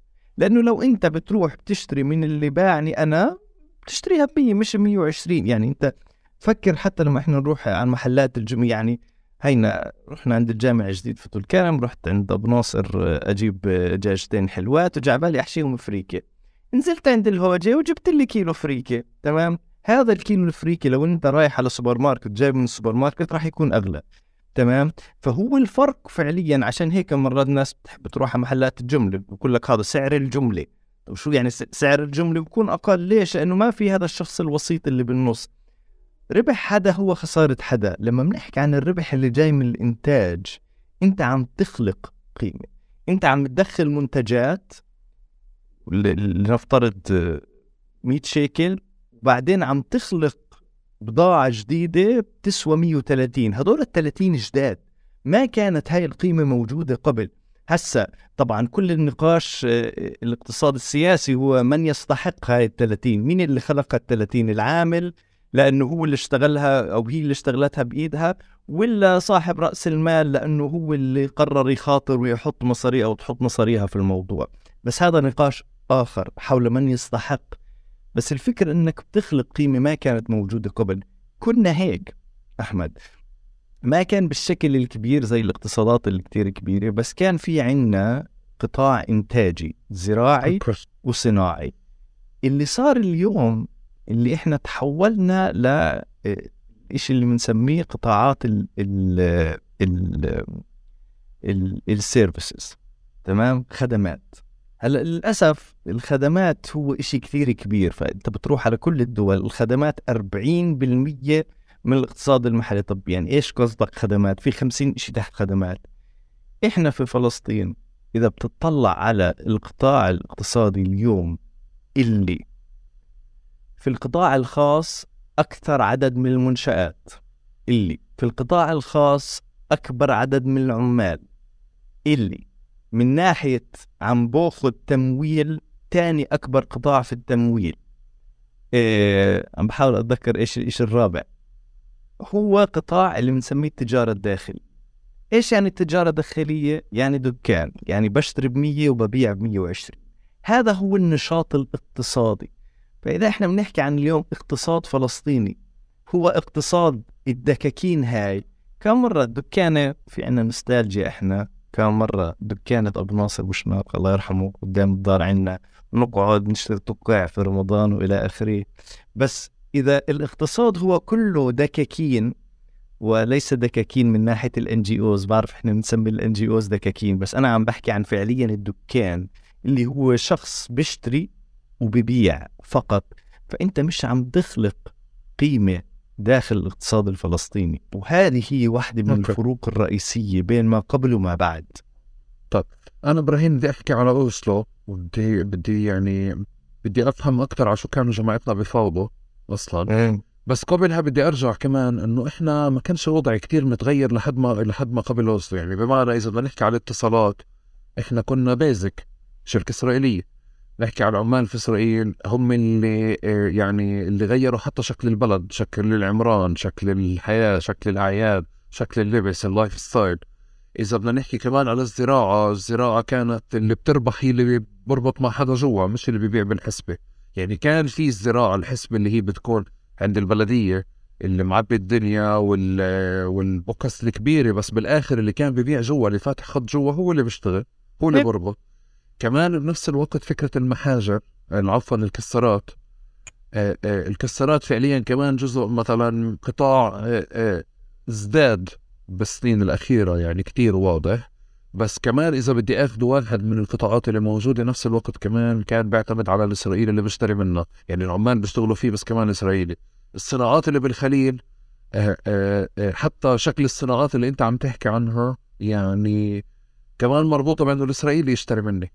فأنا فعليا لحد أوسلو أو إذا هيك بدي أرجي لحد أوسلو كل محاولاتي للانفكاك أو لعمل صناعة ما أنا بتذكر بتذكر كتير منيح يعني إنه آه، آه، حلم أو أمل المصنع إنه يبيع لإسرائيل. أو أمل المصنع أو المشغل بإنه فعليا يشتغل اللي هو آه، عمل من الباطن إنه يجيب يخيط له آخر خيط أو يركب آخر إشي أو يحط الحبل ويسكر ويحط ميد اسرائيل ويبعتها هلا هذا لحد أنا ما أوعى لحد قبل اوسلو ليه عم بحكي لك هيك؟ عشان بدي أعرف جماعتنا أو يعني فعليا السلطة لما كانت بتفاوض غير الجانب اللي هو تبع إنه آه عملوا لي خطة اقتصادية بس فعليا إيش كان الواقع؟ ما كانش وردي كتير لأنه جزء كبير من من بحس من النقد الاقتصادي بروح باتجاه تحميله للسلطة وسياسات السلطة واللي أنا بعرف إنه مثلا بمرحلة السلام فيها ما بعد الانتفاضة الثانية في إشي كتير تغيير صار بس ما قبل أوسلو ما كانش كتير في تغيير يعني باستثناء تأسيس شركة الاتصالات مثلا. يا بس إيه، ما هو تمام. بس هذا اللي قصدي احكيه إنه تتغير ال... الشكل بتغير. يعني التبعية نفسها موجودة قبل وبعد. وهسه راح أحكي لك إيش اللي صار في اتفاقية باريس في وعلاقتها في, في أوسلو واللي صار بعدين. بس مزبوط حكيك أنا كنت قاعد مع رجل أعمال فلسطيني معروف كان بيحكي عن إيش اللي صار حوالين الانتفاضة الأولى في موضوع تجار الخليل مثلا وكيف إنه فعليا كل الورق اللي موجود بإسرائيل كان من الخليج بيجي. كل الورق كل دفاتر إسرائيل كانت تنتج من قبل الناس اللي في الخليل وجزء كبير من الناس اللي قدروا إنهم يعملوا نوع من الثروة قبل الانتفاضة هو الناس اللي كان بيشتغل بإسرائيل. فهذا بالضبط اللي بحكي عنه. هسا إنه بس نحط على الحق على السلطة ومش غير هسه يعني ما فيش الموضوع ما له دخل يعني في إيش أنا وجهة نظري. أنا عم بحكي لك هذا صار. هسا أنت أنت بتحكي إنه والله هذا مثلا ال ال التاجر في الخليل ما كانش لازم يشتغل بإسرائيل مع إسرائيل. زي ما بقول اليوم والله هذا العامل الفلسطيني مش لازم يشتغل في إسرائيل. هسا هذا نقاش سياسي آخر وأنا وجهة نظري في هذا النقاش السياسي إنه الناس تتطلع على القيادة. إذا بتحس إنه في قيادة عم بتضحي صح. إذا بتحس إنه في العمل تبعها ولو الصغير والتضحية تبعتها ولو الصغيرة هي جزء من عمل أكبر بتساهم فيه. صح. مش الكل بس الغالبية لما قلنا بال... بالانتفاضة الأولى ما تشتغل في جزء كبير ما اشتغل. لما قلنا خلينا نقاطع ما كناش نجيب بضاعة إسرائيلية. هلا مش عم بحكي هذا صار كل محل بس على الأقل كان في نوع من ال يعني إنه آه أنا جزء من إشي جمعي اليوم يعني ما إحنا كم مرة سمعنا هذا الجواب لما بدنا نسكر محل وهو في مسيرة فاهم علي؟ ليش؟ عشان هدول يعني كم مرة أنا عم بحكي لك إيش الشيء العام اللي بصير هدول اللي باعوا البلد وهدول اللي كذا كذا دم الشهداء أنا ليش بدي آه، أضيع رزقي ورزق أولادي عشان هدول مثلا فأنا باعتقادي هذا جزء من كيف بصير رد الفعل على المطالبات في موضوع التفكك. إيه، رحمة الله عليه هو توفى قبل فترة. أبو علاء أبو علاء كان ممثلنا في اتفاق أحمد القريع إيه، هو كان ممثلنا في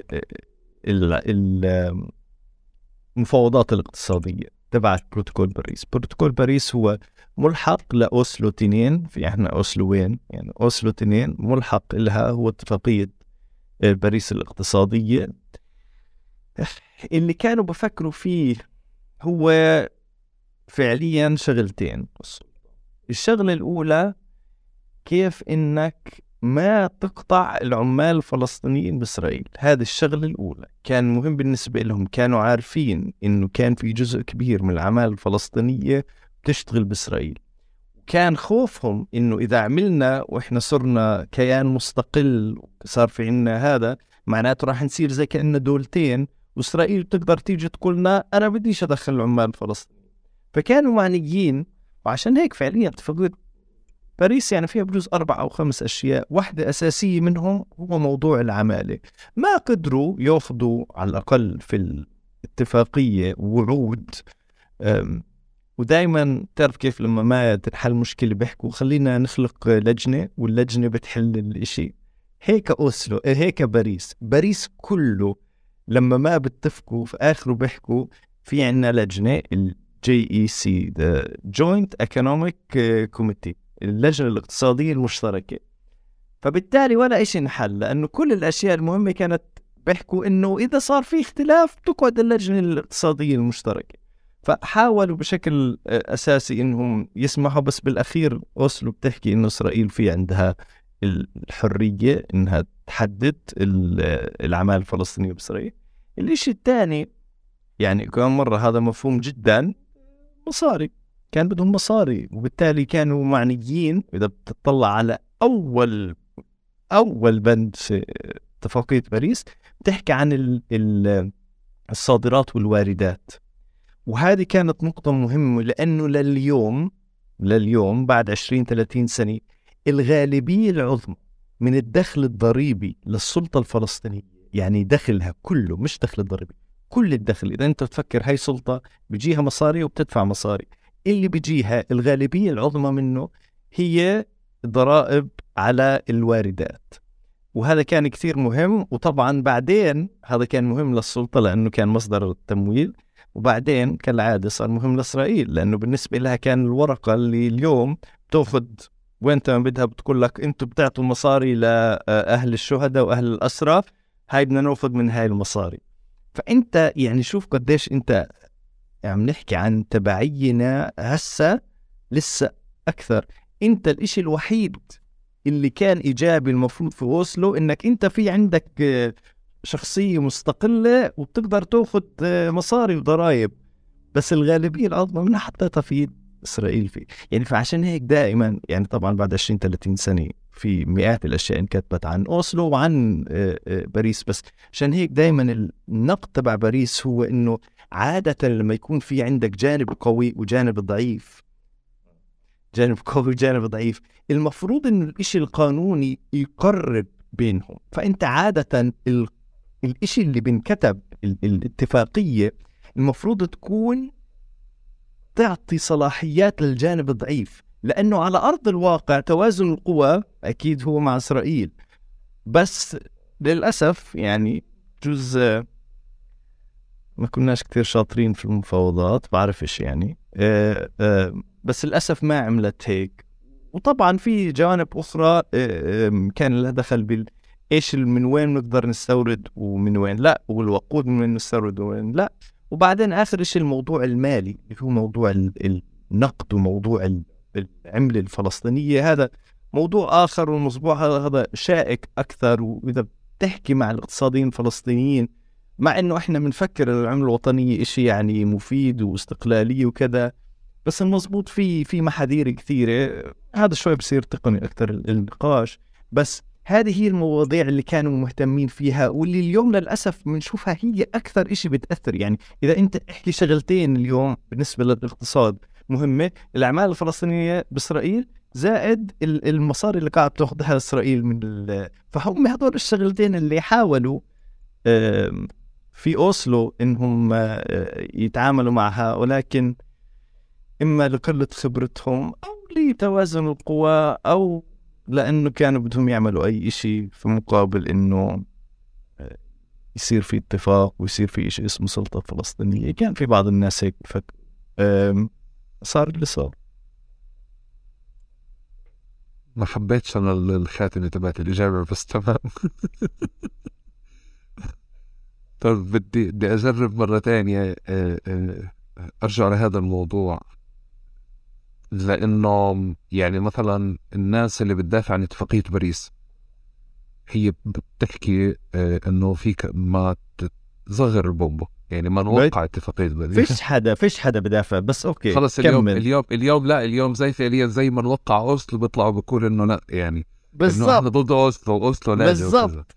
بس بقصد في حينها بيرجعوا مرة تانية في حينها بدافعوا ويقولوا لك لا إحنا عملنا واحد اثنين ثلاثة وأجلنا واحد اثنين ثلاثة من النقاشات وما كنا قادرين نعمل شيء. إيه إيه إيه ومرة تانية بهمني شوي هذه المرحلة لأفهم أكثر شو شكل الاقتصاد اللي صار أفهم شو شكل الاتصال الاتصالات الفلسطينية بديكو الشركات اللي تابعة للسلطة السلطة الشراكات اللي اللي عندها مع مصانع وقطاع خاص. فبدي أفهمها أكثر بس معلش مرة تانية بدي أفهم في مرحلة آه، المرحلة الفاصلة هذه الأولى لأنها آه، آه، بنفع أنا أقول إنه هذه المرحلة الفاصلة واللي بعدها ما بعد الانتفاضة الثانية صح؟ بنفع أقول هيك يعني حسب يعني يعني فترة سلام يعني إنه قصدك ال التسعينات وأوسلو هي مرحلة وبعدين سلام فياض هي مرحلة الثانية. بحكي آه بحكي أنا من يعني من بداية التسعينات في المرحلة اللي هو صار فيها أوسلو تغير فعليا شكل الاقتصاد عندنا وتغير شكل التبعية للاحتلال وشيء تاني آه، تغير شكل البلد حتى يعني ألوان البلد بقول لك تغيرت والمرة الثانية المرحلة الثانية هي أوسلو. عفوا yeah. مرحلة سلام فياض. هلا سلام فياض أنا ليه بسألك؟ لأنه سلام فياض في وجهة نظر عنده. هلا رح ندخل فيه بس. الجماعة اللي لما وقعوا أوسلو مرة تانية أوسلو وباريس في حينها إيش كانت وجهات نظرهم؟ إيه إيه إيه شو كانوا بشوفوا؟ شو كانوا بدافعوا؟ إيش كانت وجهات النظر؟ اللي خلتهم بعدين ينطلقوا ويأسسوا هذا الشكل اللي موجود ما بين إيدينا اليوم أو خليني أكون لحد الانتفاضة الثانية ما كانوا يفكروا أحمد يعني كم مرة آه، لما قعدوا يحكوا ويناقشوا يعني بجوز جابوا بيانات وصاروا يفكروا في موضوع العوالي وكذا وكذا. بس ليش أنا بحكي لك ما كانوا يفكروا؟ لأنه كان بالنسبة لهم الإشي السياسي هو أهم. يعني كانت الفكرة الرئيسية إنه يعني يعني قصدي إذا في ناس كانت تدافع عن أوسلو كانت تدافع عن أوسلو مش باريس. يعني باريس هو إشي جانبي فاهم علي؟ بالنسبة للناس إنه أوكي هسا اليوم في ناس بتدافع عن. عن أوسلو مبدئيا بجوز. اللي بيحكوا لك هي إنه في هذاك الوقت ويعني كم مرة أنا لا أتفق ولكن أفهم إيش عم عم بحاولوا يحكوا إنه وقتها كان. إنه هسه سهل عليكم تنتقدوا بس وقتها كان عم بصير في تغير اقتصادي عالمي. كان في عالم الثنائي القطبية وكان في شوية آه، آه، هذا وبعدين أمريكا اللي هي حبيبة إسرائيل صارت هي القوة العظمى الوحيدة. انهار الاتحاد السوفيتي إلى آخره. فصارت الفرص الفلسطينية كثير قليلة وبالتالي كانت فكرة زي ما بيحكوا أبو عمار إنه ولو على شبر من أرض فلسطين بنخلق دولة هذا راح تكون أول إشي بنعمله عشان بعدين نحرركم فلسطين. هسه بدك يعني بدك تصدق هذا الحكي كل واحد حر. بس أنا بحكي لك هذا كان التوجه تبعهم. وبالتالي كانت كل الفكرة إنه تعالوا نعمل اتفاق سياسي بيعطينا بلش في أريحة وغزة بيعطينا آه، ناس ترجع من برا ناس كانت تشتغل على المنظمة يكون في عنا قطاعات أمنية. طبعا اليوم لما نطلع على الأجهزة الأمنية ودورها المباشر يعني هذا برضه مثير للاهتمام. آه، بس الفكرة كانت إنه هذه واحدة من آه، مظاهر السيادة. أنا بتذكر كان مرة كنا صغار أول ما أجت السلطة يعني كنا نكيف عشان مدارس ال كلنا ما فيش فطور كان كان بس مدارس حكومية. بتعرف في رحل عندنا في فترة مش عارف إمتى بشهر أربعة أو شيء في الرحلة السنوية صح؟ وين السنوية كنا على البدان أو أريحة يعني فيش حلين وخير ننزل. فلما كنا نروح على أريحة بتذكر كنا نكيف نروح على الباص عشان بدنا نشوف واحد فلسطيني معاه كلاشين يعني فاهم؟ ولابس فلسطيني. بس إحنا كنا أطفال وساذجين. طب أنتوا ليش كنتوا ساذجين يا كبار بوقتها كنتوا. فاللي عم بحكيه إنه كان الاهتمام أكثر بالإشي السياسي مش بالإشي الاقتصادي يعني ما كان الفكرة إنه تعالوا نفكر بكيف نخلق آه، اقتصاد فلسطيني قوي ونبني عليه. كان في محاولات.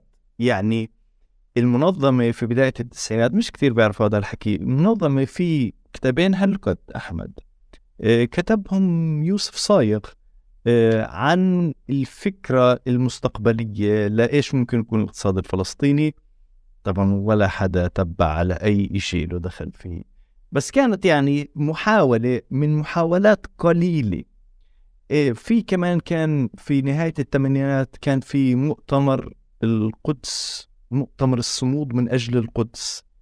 وهذا المزبوط كان في مجلة اقتصادية اسمها مجلة صامد ومؤسسة صامد وكان أبو علاء أحمد قريع هو المسؤول عنها وكان في عندهم بعض النشاطات الاقتصادية اللي يعني تعلموا فيها من بعض على الأغلب من حزب الله ومن بعض الحركات الثانية في كيف إن نجيب مصاري ونساعد الناس إلى آخره. بس زي ما صار في جنوب أفريقيا أنا دائما بحكي صار التركيز على الإشي السياسي ونسينا الاقتصادي. إحنا دائما بنحكي إنه ما في حل اقتصادي لمشكلة سياسية وأنا بتفق 100% مع هاي الجملة.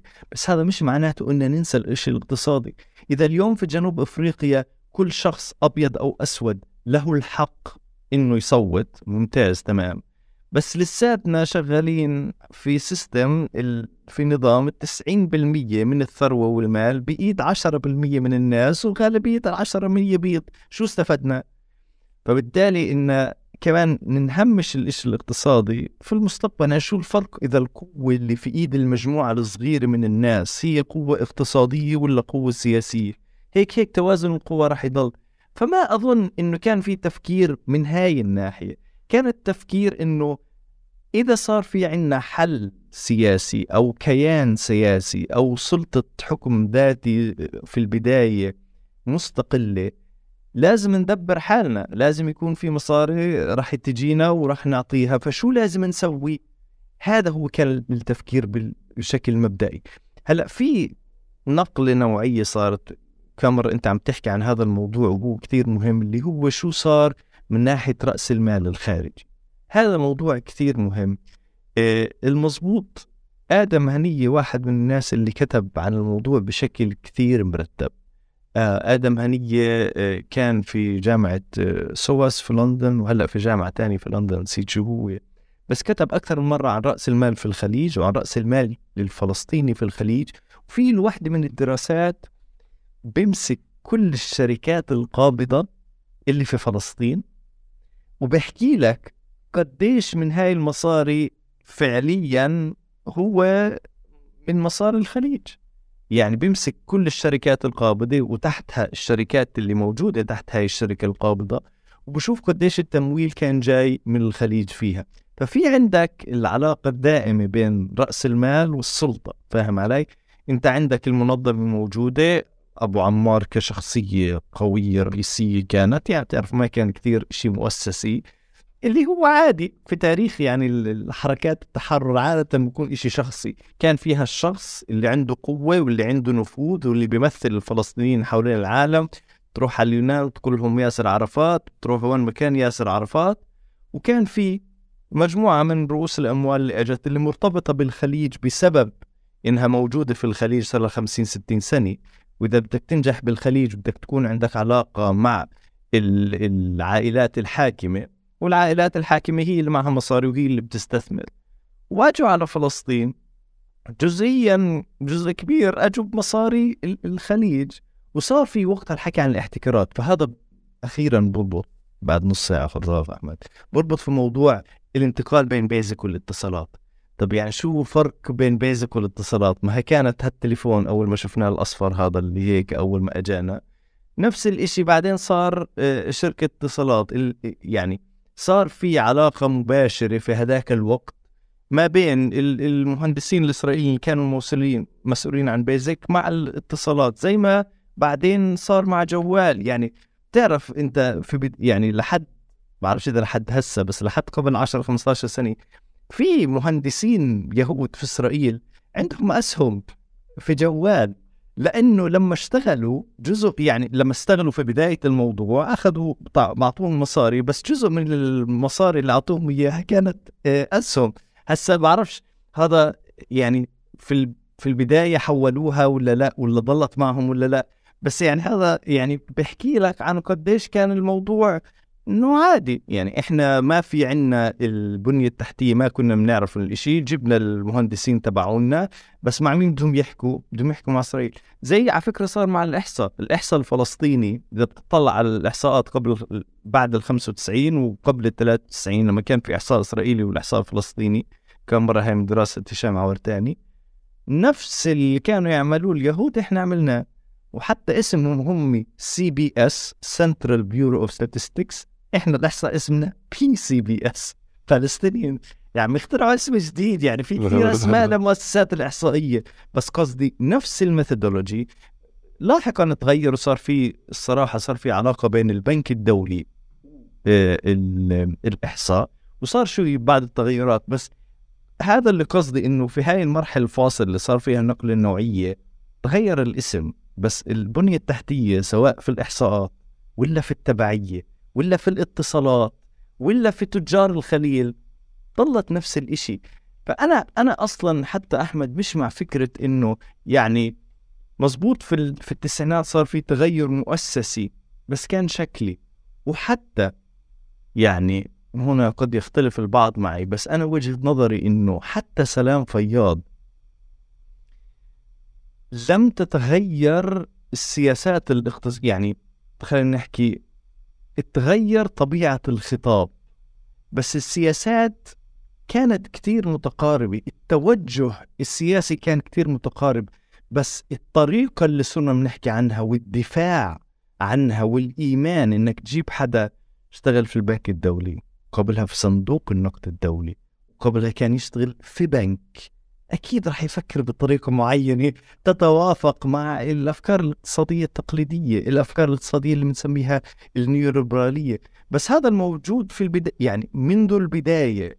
صح. الفرق كم مرة هو عن يمكن كيف بنحكى فيه. أنا وعلاء ترتيل صديقي زمان بجوز 2010 أو 2011 مع مؤسسة بسان للدراسات كتبنا فصل في كتاب عن التنمية والمقاومة.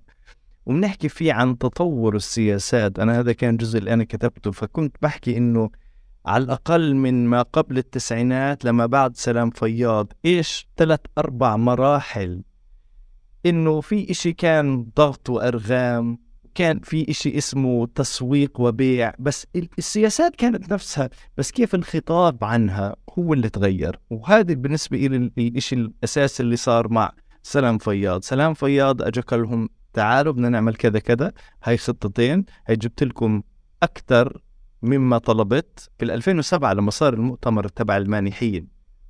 يتخيلي زي ما يحرق. طلبنا كأنه 6 مليار أعطونا سبعة. يعني أنت تخيل أنت فاهم لدرجة إيش الدرجه اللي قالوا إنه إحنا بنموت في رباط الزلمة؟ أي شيء بدك يا زلمة سلام فياض حبيبي. آه خد.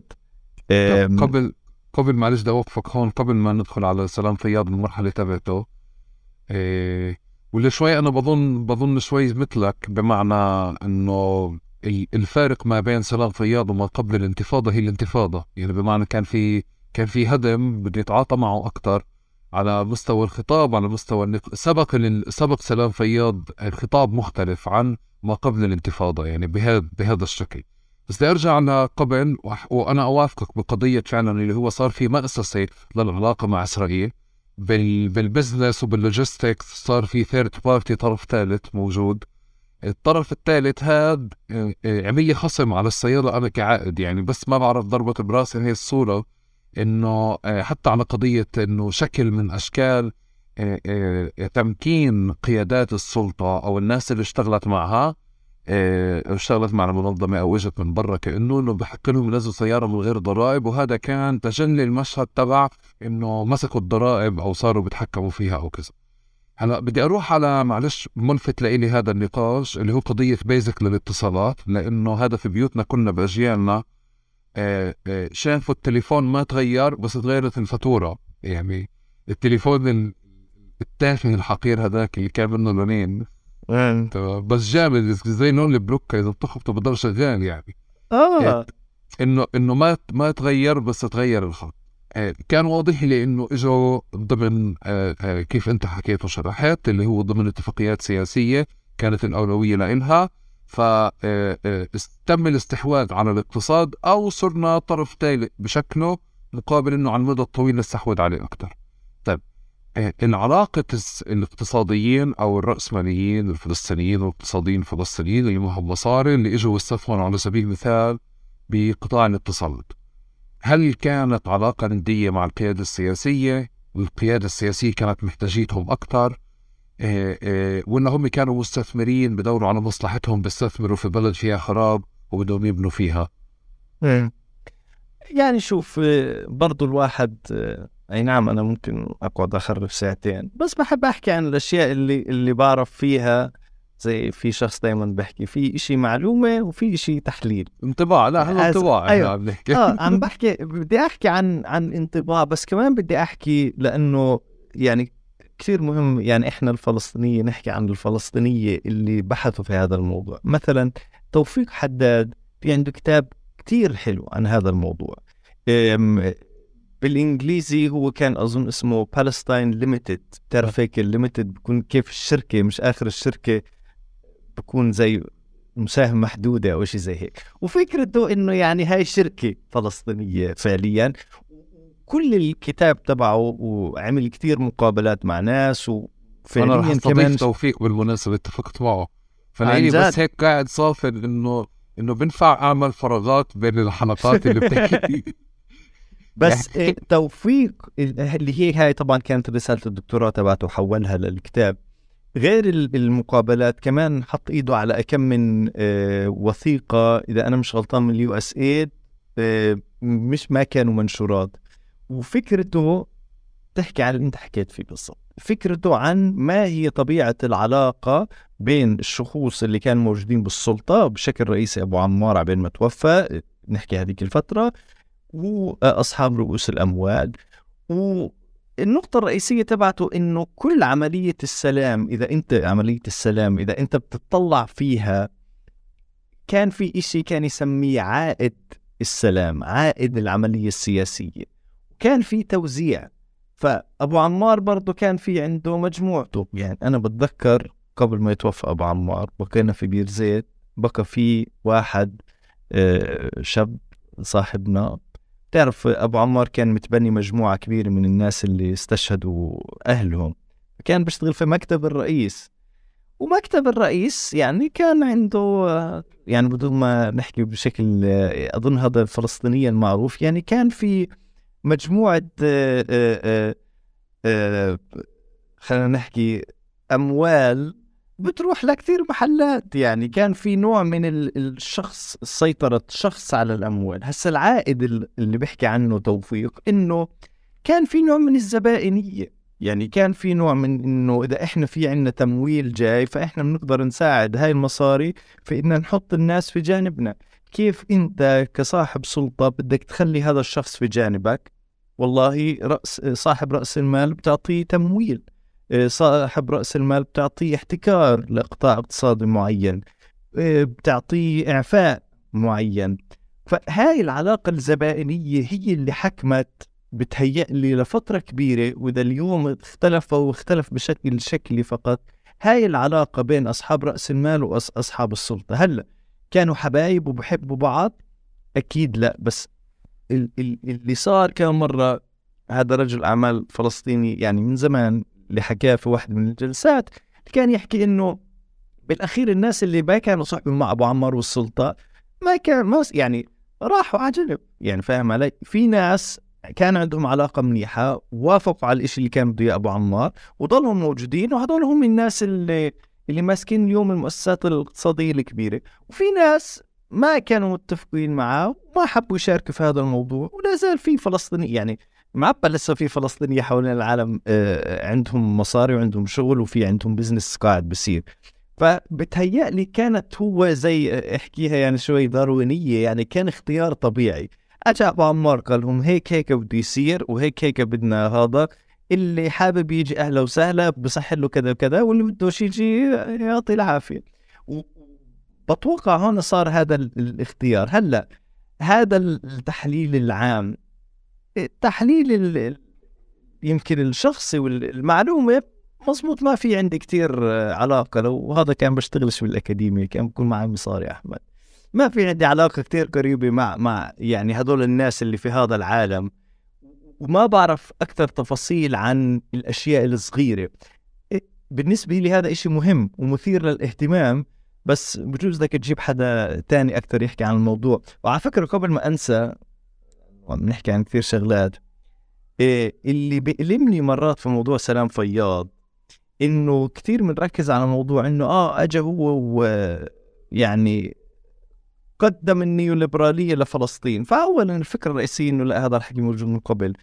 بس أنا اللي بحكيه أنه يا جماعة أثناء وجود سلام فياض في صار تغير حقيقي ومهم واليوم بتظهر تجلياته أكثر من أي وقت آخر. ما بتحكوا عنه بس بتحكوا عن النيوليبرالية وعن مش عارف شو عن البنوك وهذا تمام مهم مفيد. بس هذا الحكي التأثير الرئيسي إصلاح الأجهزة الأمنية. أحمد إصلاح الأجهزة الأمنية. و آه، تعرف هو تستخدم كمسبة للسلطة لما يحكوا سلطة دايتون. بس من وين تيجي هاي الفكرة؟ لأنه أجا دايتون ودرب شباب فلسطيني على إنه إسرائيل ليست العدو ومهمتك الرئيسية هي السيطرة على الفلسطيني هسه بالأخير قديش هذا الحكي حكوه بشكل مباشر أو لا اليوم بنشوفه في أنا مقابلة يعني في دايتون بحكي في وحدة من المحاضرات تبعته. إذا أنا مش غلطان مؤسسة في واشنطن اسمها Near East Institute يعني أنا كاتبها في رسالة الدكتوراه ففي عندي ال reference بالضبط. بيحكي عن حوار صار بينه وبين الجنرال المسؤول عن الضفة يعني اللي هو هلأ زي اليوم أظن كخافي هو أو مش عارف ناس. بس المهم بحكي مع الجنرال. الجنرال رن على دايتون. هي الحوار اللي صار بينهم. هسه بتصرف خلينا نحكي. ألو إيه آه دايتون ولك شو هاد؟ ولك شو هالجماعة اللي جايب لي إياهم؟ بجننوك وين انت بتقدر تصدر لي كمان ناس زي هدول؟ هسا ما حكاش هيك حكى بالإنجليزي. بس الفكرة اللي حكى إنه how soon يعني can you produce أو اللي هو كمان ناس زيهم؟ فيعني ما يقعدوش يزاودوا إنه يعني هذا في موضوع دايتون هذا ما مش مبني. الزلمه نفسه بحكي لك إنه الجنرال الإسرائيلي كيف على المنتج على المنتج اللي عملت له إياه. ليش عم بحكي أحمد إنه هذا له دخل في قاعد بصير اليوم؟ لأنه وقتها لما صار إصلاح الأجهزة الأمنية جزء من الإصلاح كان إنه أنت تجيب شباب التنظيم أو الناس اللي من حركات ثانية اللي معها سلاح وتحطها ضمن الأجهزة الأمنية. كلنا بنعرف هاي فتور كرم شباب كنا نروح نزورهم في الوقائي. كان الفكرة إنه يقعدوا ست أشهر عند الوقائي وبعدين يصير لهم عفو ويقدروا يتحركوا كنا نروح نجيب لهم غدا ونقعد معهم. يعني الناس بنعرفهم نعرف بالتفاصيل إيش الاتفاقية كانت. في ناس رفضوا. إذا اليوم بتفكر في إيش قاعد بيصير في نابلس وعرين الانشود وكيتي الكرم وإيش ما بدك تسميها. جزء منها هي يعني الملحقات. بعض هذول بجوز أولاد الناس اللي رفضوا إنه يتم يصير تحويلهم كجزء من الأجهزة الأمنية. اليوم نفس العروض على الأقل رسمي يعني هيك عم نحضر هيك عم نشوف على تويتر تبع هذا بحكي إنه عرضوا علينا إنه نتوظف ويعطونا راتب وكذا كذا وإحنا رفضنا.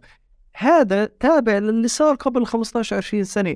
التغير في اصلاح الأجهزة الأمنية اللي صار وقت سلام فياض أخطر بكثير وتغير حقيقي أكثر من التغير الشكلي اللي صار في في أفكاره النيوروبراليه وكان مرة أنا مش قاعد بحكي إنه كل شيء صار بالانتفاضة الثانية رائع وإنه ما كان في يعني هذا أبو سلاح وهذا اللي زي ما في الانتفاضة الأولى يعني إحنا بنحكي عن نوستالجيا عن الانتفاضة الأولى بتجنن وكذا بس برضه صارت قصص وفي ناس صفوا حسابات شخصية وقالوا هذا جاسوس ونزلوا فيه بيات في كثير قصص بالانتفاضة الأولى والثانية مش صح مش عم بحكي عن هذا الحكي بس أنا عم بحكي عن الإشي الأمني اللي صار وقت سلام فياض بالنسبة إلي أخطر من الإشي وحقيقي أكثر من الإشي الاقتصادي. طب. سوري هذه هيك بالنص لا لا هذه هذه هذه هذه مهمة لأنه بكل نقاش نيو ليبرالية بفلسطين وبتعرف كنت في مناسبة كنت في المنتدى في الدوحة قبل فترة فواضح إنه ما بين كل باحثي الاقتصاد آه، السياسي آه، يعني آه، في في وجه أكثر من وجهة نظر خليني أحكي لدراسة أو قراءة فترة سلام فياض وقراءة النيو ليبراليه فبنفع فعليا يعني نرجع لشوي لهذا التشابتر من الأساس عشان تفهمنا كمان شو الطوشة هاي اللي بينك وبين زملائك وأصحابك وحبايبك يعني. أنا كنت أدخل على القاعة اللي فيها الثلاثه أربعة يعني هيك اللي هو آه يلا هلأ دبوا ببعض. ففعليا كان في نقاش كتير حاد وبالمناسبة ما شفته بمكان تاني يعني بس كان العنوان تحديدا على نيو ليبرالي هيك. آه بس يعني صدقني أحمد الناس يعني مش لاقين شيء يطاوشوا عليه. يعني بالنسبة إلي شخصيا مش يعني مش كثير مهم النقاش اللي بدور. يعني هو النقاش آه، آه، نيثن براون بيشتغل مع مؤسسة كارنيكي. هو اللي بلش هذا النقاش. مرة كتب مرة كتب ارتكل بعد مقالة بعد ما خلص سلام فياض بدافع فيها عن سلام فياض. مش بدافع فيها إنه يعني أنا هو بحبه يعني إنه بدافع عن سياساته بس بحكي إنه سلام فياض هو مثال منيح للمجتمع الدولي وللفلسطينيين كم يعني شوف في جزء من الحكي مهم. إنه سلام فياض زي أنا بالنسبة لي الصراحة يعني أبو مازن. يعني خليني أحكي عن أبو مازن وبعدين عشان أكيد نحبس آه، بس بدي أحكي أبو مازن. تعالوا يا أمريكا إسرائيل شو بدكم أحسن من هيك؟ الزلمة بقول لك إحنا ضد الاشي العنفي الزلمة بقول لك أنا من صفد يعني صفد آه، شو اسمه فلسطين هي الفلسطين اللي إحنا بدنا نعملها وكذا الزلمة بقول لك أنا بدي أحارب الزلمة بقول لك تنسيق الامني موجود. يعني كل إشي بدك إياه. ومع هيك هيك يعني قاعد بصير بشعب هذا الزلم مثلا. بس ليش أنا تذكرت هذا المقاربة؟ لأنه هيك كان يحكي نيثن براون عن سلام فياض أجوا لفلسطين جابوا زلم كان banker لفترة طويلة بيشتغل في البنك العربي لفترة طويلة سلام فياض بعدين اشتغل مع أكبر مؤسستين ماليتين دوليتين صندوق النقد الدولي والبنك الدولي. أجا بسياسات اقتصادية اللي يعني بتأخذها copy paste من الاقتراحات تبعت هاي المؤسسات الدولية. ومع هيك إسرائيل لم تسمح له بالنجاح. فكانت الفكرة إنه يعني هاي مثال جيد على إنه نكشف عورة إسرائيل. فاهم علي؟ إنه أجاكم شخص يحمل كل ما يريده المجتمع الدولي ويحمل الأفكار اللي بده إياها المجتمع الدولي وهيك أثبت إنه الحق على إسرائيل. فناس بشوفوا الفترة تبعته مفيدة من هاي الجانب على أساس تعرف قبل الناس بقت تقول الحق مش على إسرائيل وإسرائيل بقت بتجنن قبل سلام فياض وهسه صارت حرام. والناس الثانيين بيحكوا إنه اللي عمله سلام فياض هو خطير من ناحية الرواية فاهم علي؟ الرواية اختلفت بطلت إنه أنا مضطر يعني آه، آخذ سياسات من هذا المجتمع الدولي لأنه محتاج الدعم الدولي عشان أدفع للناس اللي بيشتغلوا في القطاع العام وعشان أقدر أبني المدارس وعشان أقدر أفتح شوارع. مضطر إني أحيانا ألبي بعض الطلبات تبعتهم سياسيا. لا اجى سلام فياض غير الرواية لأنه هذا هو أفضل إلنا. السياسات هذه أفضل إلنا. ال ال الخدمات الاجتماعية الاقتصادية هاي سيئة. هذه بتخلي الناس متعودين على الإعانات وهذا مش صح. ال ال كان في الموازنة في إشي اللي بسموه صافي الإقراض أو النت لندنج جزء كبير منه كان هذا تراكمات آه، ديون كهرباء من مثلا مخيمات. المخيمات تعرف إحنا دائما نضحك في الكرم نقول الشباب في المخيم طويل مكيف وفاتحين ثلاث مكيفات آه أو حاطين الصوب برا وشغال 24 ساعه الكل الكل صار متخصص بشو المكيفات المخيمات هو ف... فتره سلام فياض ففاهم فقصدي يعني في له دخل الم... الإشي جاي من محل. بس كمان مرة إذا أنت بتفكر فيها طب شو هي نسبة يعني في بعض هاي الأمثلة الناس بتشوفها وبتعلق في راسها بس شو نسبة الدخل الحدا في المخيم ضد الحدا هذا شو في عنده العلاقة بين شخص كان موجود قبل وبالتالي في عنده عيلة وفي عنده أرض وفي عنده نوع من الرأس مال وفي عنده نوع من باخذ المخبز من أبوه وبتاخذ الشغل من يعني فاهم علي؟ وما بين الشخوص اللي أجوا وما كان في عندهم أي نوع من الدخل وهذا بس كم مرة الرواية صارت كتير قريبة على هاي الرواية إنه الحق على الفرد مش على الإشي الجمعي مش على المؤسسة مش على النظام. هذا واحدة من تجليات النيوليبرالية وبالتالي فاهم علي؟ إذا إذا أنت فيش معك مصاري تحط كرت المي فيش إلك مي.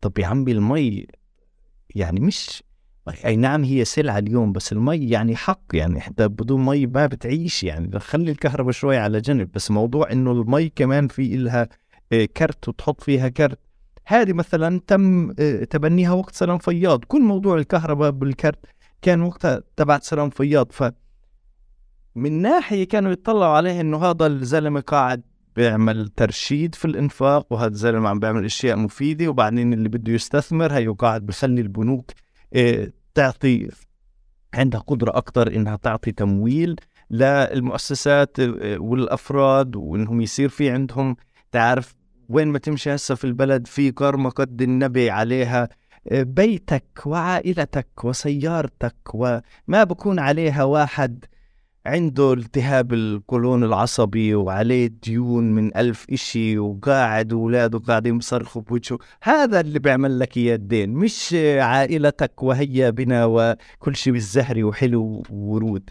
فأنا بتهيأ لي جزء هلا كم مرة جماعتك هدول ممكن يحكوا كان عن أشياء مختلفة بس الصورة العامة بتصير على هذول الموضوعين إنه يعني هذا الزلمة كان في له فائدة وبعدين حاول إنه يقلل الفساد. هذا كمان في عليه كثير مواضيع يعني قد لا نستطيع أن ندخل فيها لأنه برضه ما عندي معلومة وكله حكي. إنه يعني بالتالي كان عم بأخذ شوية آه، شوية آه، صلاحيات من جماعة فتح اللي هم اللي كانوا ماسكين وبالتالي تم تحييده وكذا. وفي المقابل الناس بحكي لك إنه هذا يعني كان خطر جدا شو عمل وإذا بتطلع على الحوار اللي كان يعمله مع رجال الأعمال يعني في كثير مشهورة الجملة اللي كان يحكيها مع رجال الأعمال إنه خلوا السياسة إلنا وأنتم اشتغلوا بالاقتصاد فاهم علي؟ يعني انفكاك الفكر إيش عم بيصير سياسيا مع الإشي الاقتصادي كاميرا هذه الرواية اللي أنا أقرب على الجهة الثانية أكيد من النقاش اللي بصير. هو هون الخطورة. فك الإشي الاقتصادي عن السياسي اللي هو في عز دين النيوليبرالية. هاي هي فكرة النيوليبرالية إنه أنت بتف يعني بتعمل فصل بين السياسة والاقتصادي بتفكر بالاقتصاد زي ما حكينا قبل ثلاث ساعات إنه بتفكر فيها من ناحية علوم طبيعية بتفكر فيها إنه الاقتصاد معناته واحد زائد واحد يساوي اثنين. أنت اعمل هذا الجانب والسياسة إشي تاني إحنا بنعمله. مش هيك بتمشي الدنيا وأكيد مش هيك بتمشي الدنيا بفلسطين. بس هذه هي يعني وجهات النظر اللي طيب. أحيانا تسمعها. طيب إبراهيم إذا بدي أمسك سلام فياض آه، ك كوجهة نظر أو نهج للسيطرة الأمنية لأنه أنت حكيت اصلاح الأجهزة الأمنية وحكيت على المشهد اللي هو امتداد المشهد اللي صار بعد الانتفاضة هو امتداد للمشهد اللي بصير في نابلس. وأظن كمان بقدر أسقط نفس المشهد على في حالة غزة اللي هو تغير شكل الحصار لإلها من المرحله اللي كانت أنا محاصر كل غزة بكل ناسها وأهلها وحماسها وفتحها وكذا. آه، لا أغير الشكل تبعها لإني أربط الناس أربط فئات من الناس بشكل مباشر فيي وأعزل الناس اللي موجودين. يعني بمعنى خليني أقول المنطق المعالج المعالجة الأمنية خليني أقول من أرضية اقتصادية بلشت من مرحلة يمكن سلام فياض. آه، آه، وأنا اليوم بشوف تبعاتها في بشكل واضح في الضفة وبقدر كمان أسقطها بغزة. بقدر أعمل هذا الإشي لأفهم شو بصير اليوم؟ يعني أظن إنها زاوية مثيرة للاهتمام. يعني كنت أنا عم بستنى عشان نحكي شوي عن عن غزة لأنه برضه في كيف بنعرف شيء عن الاقتصاد الفلسطيني في ليلى فرسخ اقتصادية فلسطينية بتدرس في أمريكا كتبت إشي كثير حلو قبل كم من سنة عن الموضوع إنه إحنا بنحب نحكي إنه في إشي اسمه اقتصاد فلسطيني على أساس إنه إحنا بنحكي عن وحدة الفلسطينيين كل محل. مزبوط كمان رجا رجا خالدي كتب بالسفير إشي حلو قبل كم من سنة عن فكرة العلاقة اللي عم بتصير بين فلسطينية الداخل اقتصاديا والناس اللي على الأقل بالضفة حاليا لأنه في غزة صعب. بس اللي بتحكي لي لأنه فعليا إحنا عندنا تقريبا أربع اقتصادات. يعني عندنا اقتصاد في الضفة له شكل اقتصاد في غزة له شكل اقتصاد القدس شكل واقتصاد فلسطينية ال 48 الداخل شكل ثاني وفي ديناميكيات اقتصادية مختلفة. غزة مثال كثير كبير على هذا الحكي. طبعا الإشي الأساسي اللي هو كان له دخل بالحصار الإشي الاقتصادي الأكبر كان له دخل بموضوع الأنفاق. لأنه قبلها إذا بتتذكر يعني غزة أنا آه تعرف أنا دار سيدي يعني أهل أبوي كلهم في غزة في رفح. فقبل الانتفاضة الثانية كنا بننزل كل صيف بنروح ننزل نشوف أولاد عمي وأولاد عماتي في في في رفح. رفح في بداية التسعينات غزة خلينا نحكي بداية غزة المدينة يعني. في بداية التسعينات زي ما كانت أحلى من مليون رام الله ومليون طول كرم أنت عارف بقى وبلش يبلشوا فيها العمارات الكبيرة تطلع هاي الشغلات اللي انبنت في التسعينات وتلاقوا فيها بضايع وتلاقوا في يعني وقتها إذا بتتذكر كان الحكي عن سنغافورة ومش سنغافورة فلسطين وكل هذا القراف كان وقتها طالع من غزة. هسه طبعا عندك الانتفاضة وعندك بعدين الانسحاب من المستوطنات تبعون غزة وبعدين عندك الانقسام وبعدين الحصار.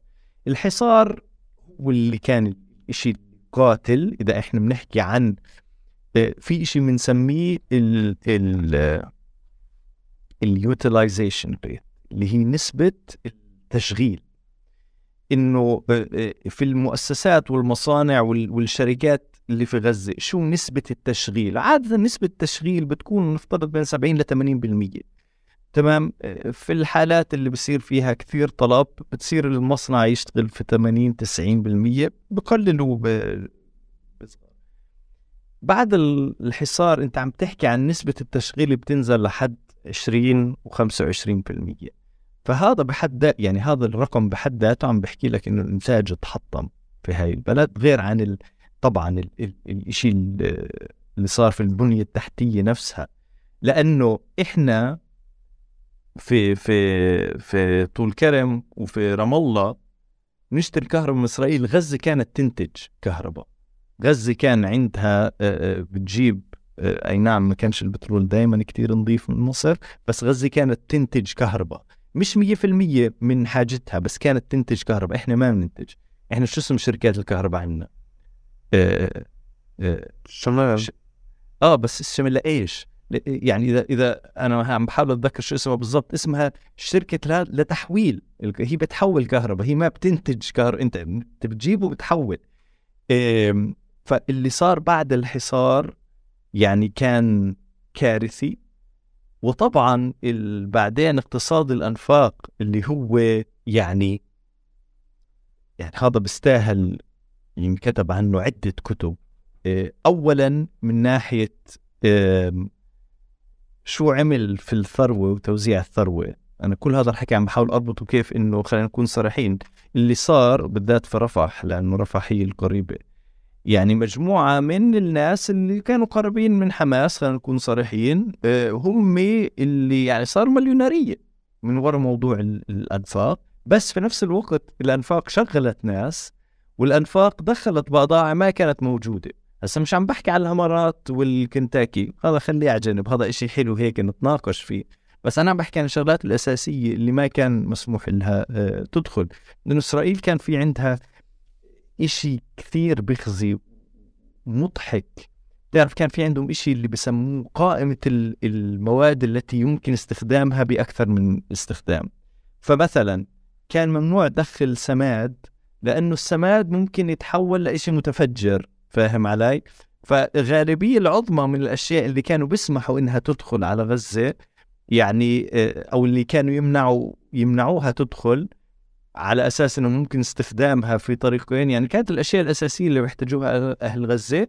وبعدين كان أشياء يعني تافهة إيه ممنوع تدخل شوكولاتة ممنوع تدخل كاتشب. يعني فعليا أنا بتذكر في فترة كنت بدرس عن هذا الموضوع وبس عم بطلع على القائمة إنه يعني ليش؟ ليش ممنوع ادخل كاتشب على على على غزة؟ هذه خلقت نوع كامل من الجانب الاقتصاد اللي كان الناس بيسموه اقتصاد الظل واقتصاد الكذا ما كانش معروف إيش عم بيصير. بس عمل إشي في في غزة. اليوم اليوم آآ آآ أنت عم تحكي عن وضع اقتصادي عام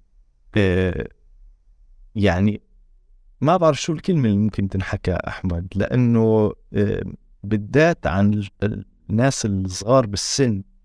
اللي عم بيعانوا اقتصاديا آه، يعني صعب جدا إنك تقارنه بأي شيء ثاني أنا مرات ب...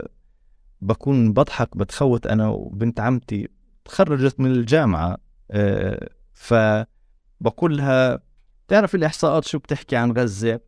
إذا انت مرأة وتحت سن ال 25 تعرف قديش نسبة البطالة تبعت؟ إذا أنت إذا شخص هي مرأة في غزة تحت سن ال 25 أحمد نسبة البطالة 85% يعني قلت لها يعني نسب إن يعني بكون بضحك بس بكون بعيط يعني فعليا إنه بقول لها يعني أنت النسب إنك تلاقي الشغل 15% فعليا. هلأ هذا جانب اللي بدي احكي عن غزة لأنه مر في تغيرات فاهم؟ أنا بالنسبة لي ما بين سنغافورة وبعدين الحصار وبعدين الأنفاق وبعدين إيش قاعد بيصير اليوم؟ يعني في كثير تطورات صارت من هاي الناحية من ناحية إنه آه خلينا نحكي مجموعة صغيرة من الناس اللي اللي اللي وصلت واللي قدرت توصل. إبراهيم أنت سؤال احكي لي. آه, آه بدي اقاطعك بدي اقاطعك بمقام ثاني أو بحلقة ثانية بندخل في قضية الأنفاق وكسر الحصار والاقتصاد اللي صار اللي هو اقتصاد الحصار لأنه عن إيه. جد هناك في شيء مختلف. بس أنا لإلي بدي أجرب أتأكد أنا وياك من الفكرة هلأ يعني تطورت وأنا عم بحكي أنا وياك بقضية إنه إسرائيل اليوم تتعاطى معنا اقتصاديا. يعني بتمسكنا ماسكة كل المفاصل الاقتصادية تبعتنا. إيه، شكل الحصار لغزة إيه، إيه، على مستوى الاعلام دائما يتم تصديره بأنه كفل على البوابة أو إنه ممنوع دخول الشوكولاتة أو ممنوع دخول سماد ولا ممنوع دخول كذا. بس هو في تفسير اقتصادي لكل شيء. بدي أرجع لورا. يمكن المرحلة دخل الحصار للمرحله تبعت اللي هو آه، آه، حصار كل غزة بكل من فيها. بعدين محاولة عزل آه، أهالي غزة عن حماس والمقاومة أو عن فصائل المقاومة. بعدين النقطة الثالثة تريح غزة بما فيها حماس. بمعنى اللي هو من خلال ربط حماس أكثر بقضية العمالة بإسرائيل العمال بإسرائيل الشغل والتصاريح والتفاصيل هذه. الان هدول الثلاثه إذا بدي أجي بس أمسكهم هيك باجي وبتشوف إنه في منطق إسرائيلي بالتعاطي مع غزة واللي هو بقدر اسقطه على كل فلسطين بمنطق أمني تمام بالكامل. المحرك الاقتصادي أو المتغيرات الاقتصادية كلها دوافعها أمنية بشكل أساسي. وبقدر أشوف إنه في مسار متكامل ماشي من ما بعد الانتفاضة الثانية الصفقات نفسها اللي صارت. يمكن اللي صار إنه إحنا ما شفنا حالات مثل عرين الأسود بين عرين الأسود وبين الانتفاضة بس هي المنطق الأمني آه، المعالجة الاقتصادية للحالات الأمنية هذه أو الإشكاليات ما بين قوسين المشاكل الأمنية اللي ممكن تكون بالنسبة للسلطة هو هي معالجة اقتصادية يعني مرة ثانية وهو احمد كمان هذه سياسة متعمدة من قبل من قبل الجانب الإسرائيلي باعترافهم. يعني في بداية الاحتلال بال 67 آه هذا اللي كان يحكيه موشي ديان. يعني موشي ديان في له مقولات عن كيف لازم يكون العلاقة. كان على فكرة بالذات عم بيحكي عن غزة. كان عم بيحكي عن غزة إنه إحنا بدنا نعطيهم شغل عشان ما يجوعوا. فاهم علي؟ نفس الإشي صار مع نتنياهو بالتسعينات فكرة السلام الاقتصادي اللي هي فكرة إنه إحنا بنعطيهم أكل. نفس ما اليوم كنا نحكي آه، إنه في الخليل بيتم تصدير فكرة إنه شوف هذا النموذج الاقتصادي اللي بيصير في الخليل إنه إحنا بنقدر آه، أو ال ال وهذه الجزرة بس في برضه العصا فاهم علي؟ إنه حدا بيعمل عملية من هاي البلد إحنا بدناش نعطي تصاريح للناس اللي في هاي البلد تروح تشتغل. كل التعامل هو من ناحية اقتصادية لأنه مش مهتمين. خلص أنت شو بدك من الفلسطينية؟ أمن في عندك تنسيق أمني خلي مئة حدا يتناقش على شو معنى توثيق أمني وخلي الناس يجي يدافعوا عن تنسيق الأمني في عندك تنسيق أمني وبالتالي السلطة في جزء من دورها ووظيفتها تحمي إسرائيل. هي واحد. اثنين انت قاعد تخلق نوع من الدخل مستوى الدخل اللي الناس ما يعني فاهم علي. وهذا مش لا يمكن الاستغناء عنه. مش سهل انك انت فاهم علي عم تخلق محاولة توازن ما بين انه هذول مش معهم مستوى دخل عالي اللي يقدروا يفكروا ويرجعوا لورا ولا يكون المستوى كثير واطي اللي ما في عندهم إشي يخسروه. وهذا كم مرة آه، إذا بتطلع وأنا واحد من الشغلات اللي عملتها بطلع على الدراسات الإسرائيلية من ال 67 على الأقل لحد بداية الانتفاضة الثانية آه، وفي ترجمات ل إيش كان فكرهم اقتصاديا. كان بيسأل السؤال الشيء اللي إحنا ما كنا نعمله اليوم بلشنا نعمله. كان يسأل السؤال إيش بدنا من علاقتنا الاقتصادية مع الفلسطينيين؟ كانوا دائما يسألوا هذا السؤال ويجاوبوا. وللأسف أو مش مش مو مش شيء مفاجئ كل اللي كانوا يفكروا إنهم يعملوا انعمل. صح. كل شيء من ال... إنهم يبطلوا يعتمدوا على العمال الفلسطينية هذا اللي صار واستبدالهم من وين يخلقوا القيمة المضافة من إيش ال... ال... القطاعات الاقتصادية اللي بدهم يشتغلوا فيها الفلسطينيين. كل هذا الحكي بالأخير تم تطبيقه لأنه كانوا يخططوا. وهذا بالنسبة لي واحدة من المشاكل الأساسية الفلسطينيين موضوع التخطيط وموضوع التفكير. هذا الشيء اللي إحنا ما بنعمله زائد ما في عندنا قدرة على تطبيقه. طيب إبراهيم بدي أحكي كمان شغلة إنه إنه في نجاح إنه يعني يمكن حالة الانتفاضة هي كسر مرق عليها وقت 20 سنة. يعني بس إحنا بننسى زي كانوا ممكن نحكي بنكون نحكي عن رومانسيات الانتفاضة. بس بننسى فكرة إنه الانتفاضة ما كانت قرار كانت عبارة عن مجموعة من الظروف اللي كسرت مشهد أصحابه ما كان لهم مصلحة بكسره. يعني كانوا بحاولوا أنه ما ينكسر. واللي بصير اليوم هو نفس الشيء يعني كتير قريب منه.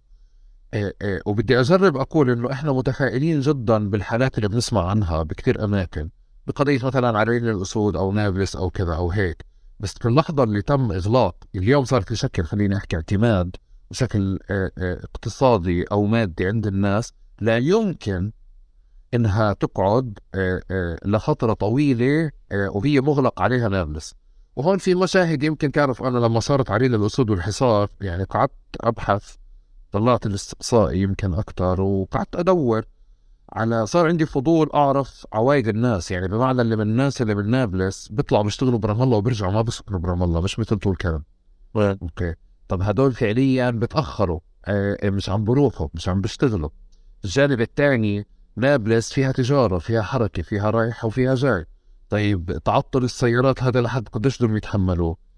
آه، مشيت إبراهيم هيك باكثر من مشهد شفته اللي هو ما في شيء صراحة يدعو فيه للتفاؤل بمعنى إنه إحنا عندنا قدرة على الصمود أو عندنا قدرة على الثبات بمعنى بوجه الحصار أو كسره.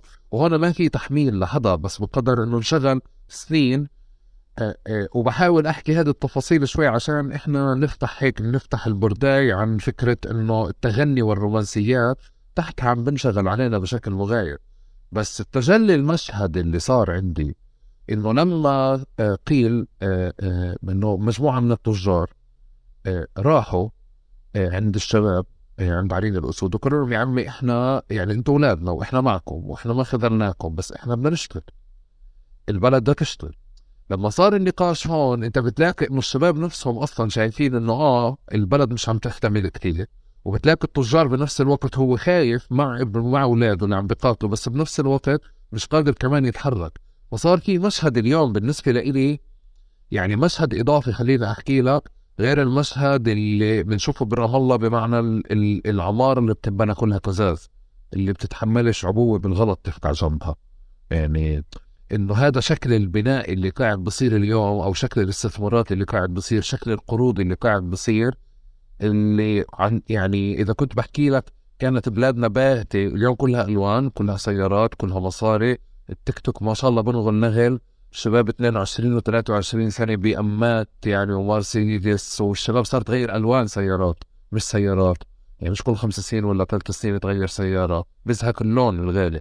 بغير السيارة والقرض موجود والبنك موجود والتسهيلات موجودة فأنا شاعر إنه حتى اليوم هلأ بعد النقاش هذا إذا كان عندي اعتقاد إنه إحنا واقفين على أرضية هشة فإحنا فعليا واقفين على أرضية أكثر هشاشة مما كنت أتصور بس yeah. آه آه بدي أجرب هيك أترك لك يعني آه، آه، أترك لك الحيز والمساحة لتحكي لي إحنا اليوم وين واقفين بعيدا عن يعني بعيدا عن الرومانسيات يعني. أحكي لي عن غسيل الوسخ بالأول. يعني هذا السؤال يعني أو هذا النقاش دائما موجود أحمد. مش جديد يعني فكرة إنه إيه والله أنت بدك تعمل كذا فبالتالي راح يكون في مقابل اقتصادي أو مقابل إنه الدخل راح يكون أنا تماما أنا بتفهم من وين لي. جاي هذا آه لا تسمح لي بس عشان كمان هذا أميز شغل هو دائما كان موجود بس كتير بيفرق من اللحظة اللي اللي المزارعين في شمال الضفة تركوا أراضيهم وراحوا يتفرغوا ما بعد الانتفاضة بالأجهزة الأمنية وبعدين صاروا يشتغلوا بإسرائيل بعدين اليوم لما بمرحلة كورونا إحنا كنا هشين إنه مش قادرين يعني كورونا مش ظرف إيه. فبقول آه هو فعلا دائما موجود وأنا مش الحدا اللي بصدره بمعنى اللي هو آه، كمان بخطاب إنه إحنا لا نحتمل ان نقاوم وإنه إذا كان المقاومة بتنعمل بدراسة جدوى يعني إنه بتحسب إيه. حسب خسائر وهذا. بس عم بجرب أقول عم بناقش حاضني عم بناقشنا وعم بناقش قدرة الناس على الاحتمال يعني بهذا المنطق أكثر من شيء ثاني بس كنت أكد أحسن النوايا بالسؤال بتعرف. ما هو وأنا ما هي كانت أنا ليش جبت سيرتها؟ لأنه بدي أربطها بالإشي اللي أنت بتحكيه بعدين اللي هو السؤال إنه إحنا وين موجودين؟ فأنا كان القصد أحكي إنه هذا الخطاب دائما موجود وين ما كان يعني وين ما كان في حركة سياسية أو عسكرية أو تحررية لها تأثير اقتصادي في نقاش. هذا الحكي دائما موجود. ولكن اللي اللي عم بحكي هلأ إنه الوضع الاقتصادي اللي إحنا اللي إنت هلأ صرت في عندك فكرة إنه هش أكثر يعني بخلينا نفكر إنه طب هل بنقدر إحنا نتخلى عن موضوع التبعية؟ هل في عنا أي شيء بنقدر نعمله على الصعيد الصغير تبعنا اللي يواجه هذا الموضوع اللي يخلينا ما نفكر إنه إذا بسكر الإشي لأسبوع الوضع رح يروح فاهم علي؟ أنت لما تكون في وضع هش وأكثر من هش بصير التأثير الاقتصادي أكبر بصير التاثير الاقتصادي أقوى. إذا أنت في عندك اقتصاد وفي عندك هيكل بالأخير ممكن جدا إنك تتخطى وضع اقتصادي سيء. فأنا هون النقطة تبعتي. اللي أنا بشوفه مثير للاهتمام إنه بعض المراكز الأبحاث اللي في فلسطين بلشت تحكي وما كانت تحكي قبل. آه، يعني هذا مش تعليق على العمل البحثي في فلسطين. برضو النوايا دائما منيحة. بس مثلا مؤسسة زي ماس اللي هي في آخر فترة وأنا يعني اشتغلت في ماس فترة طويلة آخر فترة عم بتطلع أبحاث كثير منيحة. كل مرة برضو ماس في بداية الانتفاضة الثانية على فكرة آه، برضو كان في عندها دراسات كثير منيحة من ناحية قصدي إنها مرتبطة بفكرة الاقتصاد السياسي. يعني كان في لهم دراسة عن فكرة التبعية عن فكرة هل نستطيع إنه نتجاوز هاي التبعية على الاقتصاد الإسرائيلي؟ وطبعا زي ما بتتوقع يعني ما في جواب آه أو لا. كان الفكرة إنه في بعض السياسات اللي ممكن ناخذها ولكن في الوضع الحالي اللي إحنا فيه سواء عم نحكي عن العمل أو عم نحكي عن البضائع أو عم نحكي عن البنية التحتية في عندك نوع من الاعتمادية. بس القصد اللي أحكيه إنه عم بيصير في نقاش حول الموضوع ما كان يصير قبل. حتى على الصعيد هذا الأكاديمي أو على الصعيد السياسي عم بيصير في نقاش. يعني كم مرة حتى على خطاب الرسمي يعني أنا بتذكر شتي بعرفش إذا في أوائل الأيام أو لأ كان بيحكي عن إحنا عن التفكك والانفكاك عن الاقتصاد الإسرائيلي. يعني رسميا هسه إيش على أرض الواقع شيء ثاني بس على الأقل لما يكون في حوار عن هذا الموضوع على هذا الصعيد معناته في شوية نقاش إنه خلص إحنا يعني ما بنقدر نأخذ أكثر من هيك. كم مرة أنا عم بحاول أربطه وأرجع بالشيء اللي قبل أحكي.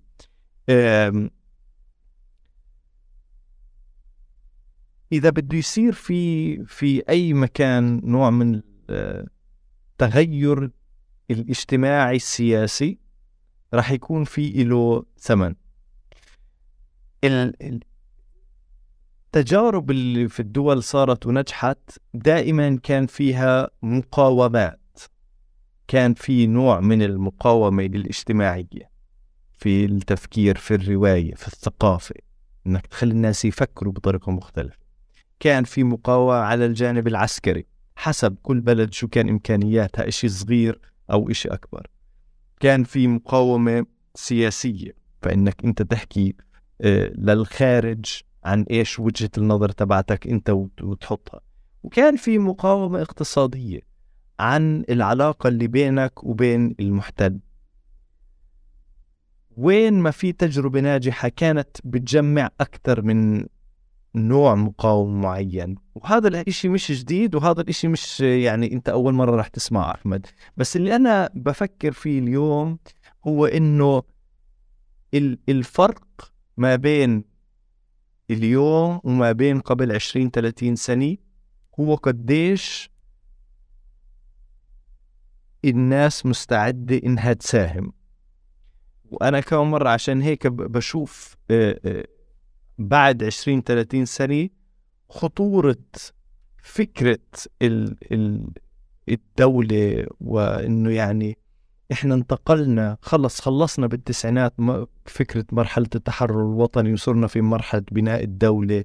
كم مرة هذا اللي بحكيه عن سلام فياض عن فكرة الرواية. الرواية اختلفت. صرنا بناء الدولة يعني صرنا خلصنا هذا الإشي اللي قبل اللي لازم نفكر فيه عن المقاومات اللي بنحكي عنها. بوجهة نظري المتواضعة لو إنه إحنا في عنا ال... ال...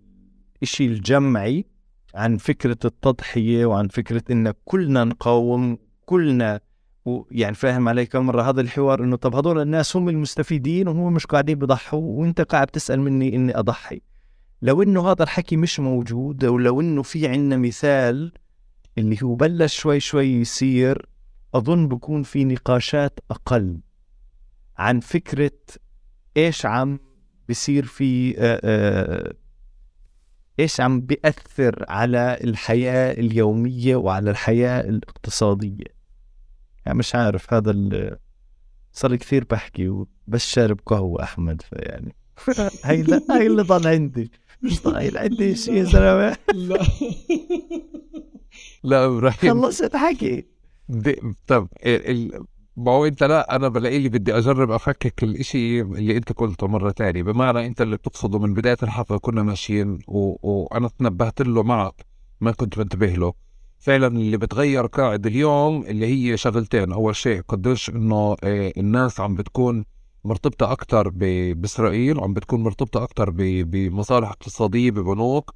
اللي بتخليها إذا كنت أنت بتهرب من قاعدة فيها حكي فاضي أو حكي حكي فاضي بين قوسين بس ممكن يودي لك حبسة آه، آه، اليوم أنت بدكش تتدخل بأي شيء سياسي. على فكرة في شيء حتى ملفت إنه أنت باليوم يعني بإسطنبول أنا ممكن أكون ماشي معلي آه، تنتبه إنه في حدا بدوش يقول لك إنه هو بسمعها بس أنت بتعرف إنه هذا فلسطيني وهو بسلوكه زي كأنه قاعد بلف بوجهه بهرب من الشارع يعني فلإلي صار واضح هذا الإشي كمية الناس اللي بتنفي حتى من قضية المؤثرين اللي بنفوا آه، بتعاطوا مع السياسة. كتضامن وك.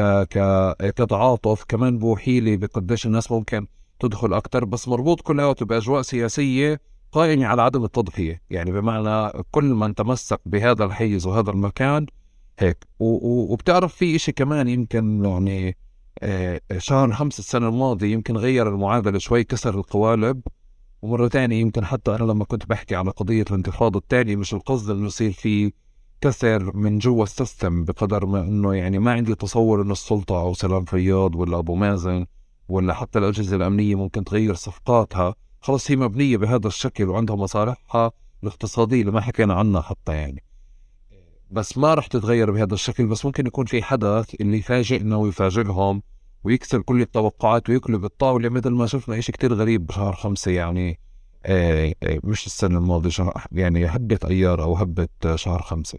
بس آه آه وأنا بوافقك بقضية بالكامل بقضية إنه ممكن أبوك وأبوي اليوم لما بدهم يحكوا معنا بيحكوا لنا بثقة أكتر من قبل عشر سنين حتى إنه ليش تحكوا بالسياسة؟ أو ليش بتطب بالسلطة؟ إنه خلص يعني مش مستاهلة ما أنتم ما رح تقدروا تغيروا.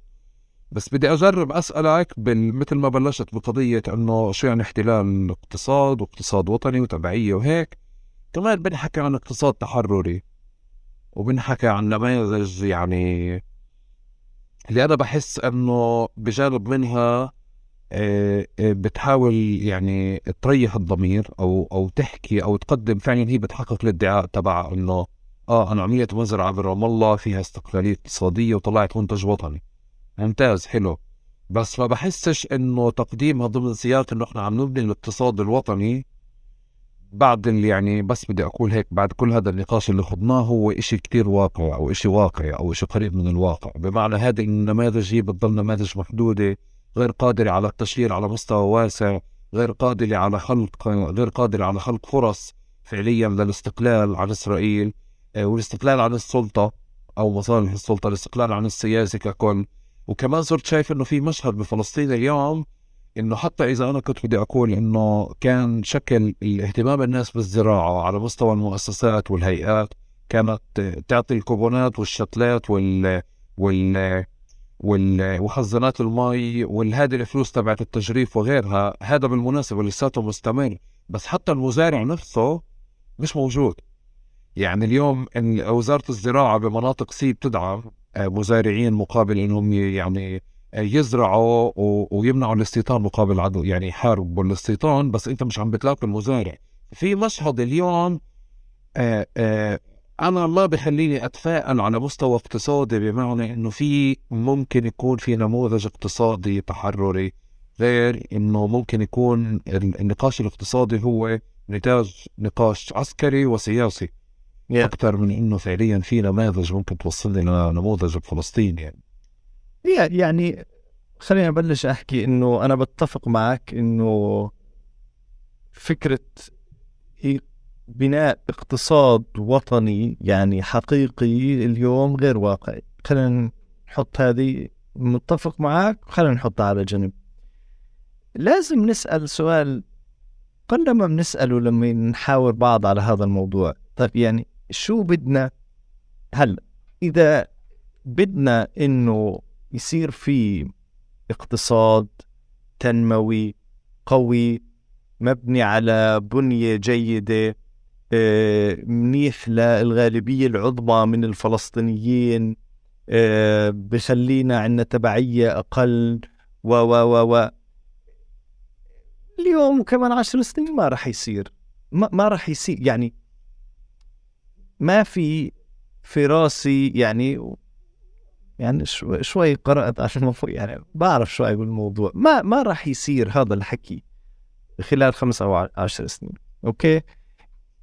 اللي ممكن يصير هو إنه كيف نخلق اقتصاد يتحمل الصدمات. وبالتالي الصدمات اللي بحكي عنها اللي هي الصدمات السياسية والاقتصادية التي سوف تحدث بينما نحن في عملية المقاومات الأخرى. إذا إحنا بنحكي تمام إحنا في آخر الحلقة أنت بدك تعطيني الحرية إني أحكي أشياء في راسي تمام؟ أوكي عندنا مجموعة مقاومات وواحدة منهم هي المقاومة الاقتصادية. مش معناته يعني الاقتصاد سوف يقتل العدو وسوف يحطمه بس الفكرة تبعته إنك تخلق إشي مقاوم للصدمات. بشكل عام في عنا شوية خبرة في الموضوع في عنا خبرة منيحة في الموضوع لأنه مرينا بكثير صدمات وصار في عنا فكرة عن كيف ممكن نتحمل الصدمات.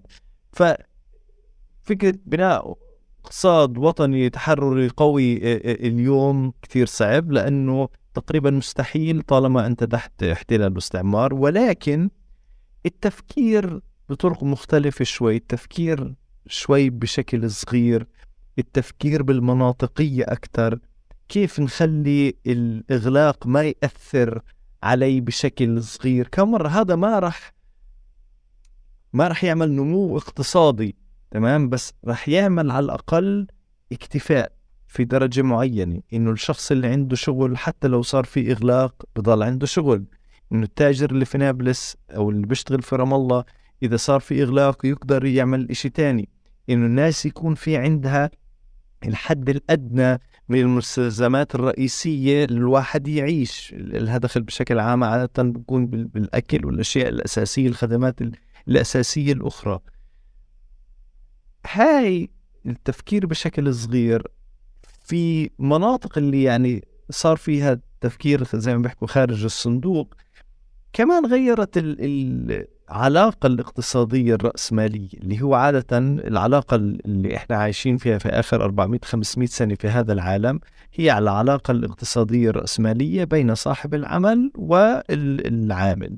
هلأ في عندنا مجموعة صغير من الناس اللي هم يعملون لذاتهم وفي مجموعة أصغر بنسموها بيشتغلوا مع العائلة وغير مدفوع. بس الغالبية العظمى 75% من القوة العاملة في فلسطين هي عاملة بأجر وبالتالي العلاقة الاقتصادية الرئيسية هي العلاقة بين صاحب العمل وبين العمال.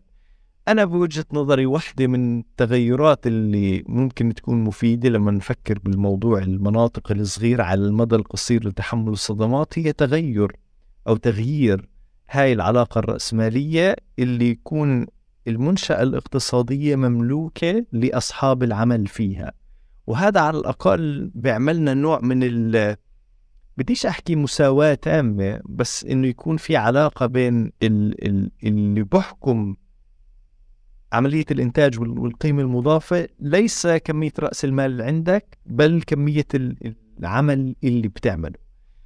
هذا في رأسي يعني واحدة من الأشياء اللي إحنا ممكن نغيرها.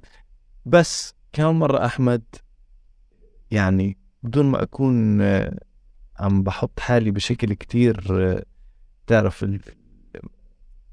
ال postmodernist اللي ما بعد الحداثة شوي. بس الرواية عن جد كثير مهمة لأنه كان مرة بعد التسعينات بعد ما صارت البلد كلها ألوان ومصاري فيه كتير. تمام يعني أنا معك إنه هاي المظاهر كم مرة إذا بتطلع على بعض الأرقام اللي هي في هاي الناحية يعني تحكي لك بتشوف إنه هذا أبو بيأم ماكل هوا يعني في حوض معنا زي طبعا طبعا لا طبعا فهذا شيء ثاني. بس زي ما حكيت البلد هسه ألوان كذا والناس بتشوف ناس معها كثير أو على الأقل قدام الناس بتبين معها كثير.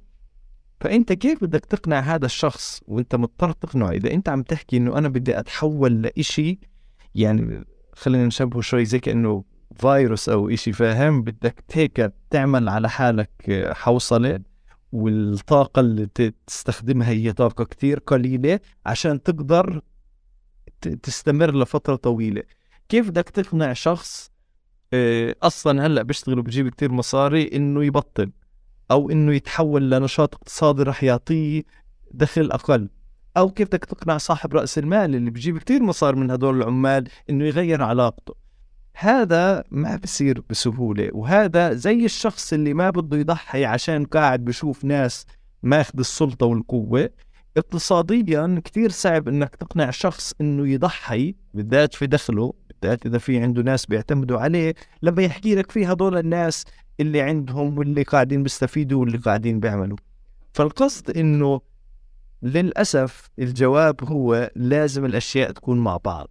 إنه ما بنفع تعمل تغير اقتصادي بدون ما يكون في تغير ثقافي بدون ما يكون في تغير في الخطاب السياسي بدون ما يكون في تغير مجتمعي. حول دورنا وحول دور المرأة في المجتمع. أنا ما حكيناش بس بالنسبة لي هذا إشي كثير مهم. يعني اقتصاديا وغير اقتصاديا وعن كثير أشياء كلها مرتبطة ببعض.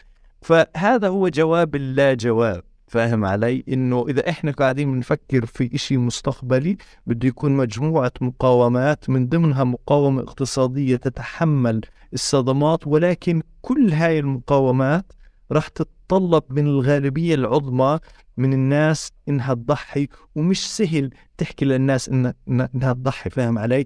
إنه إيش أنت بالشقاق في أمريكا صار لك 10 سنين وهسه معك جواز أمريكي جاي تقول لنا نروح نضحي نروح نخلع فاهم؟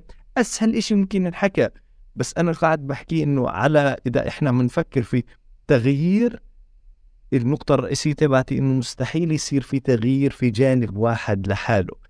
هو جزء من من كل. الشيء الاقتصادي؟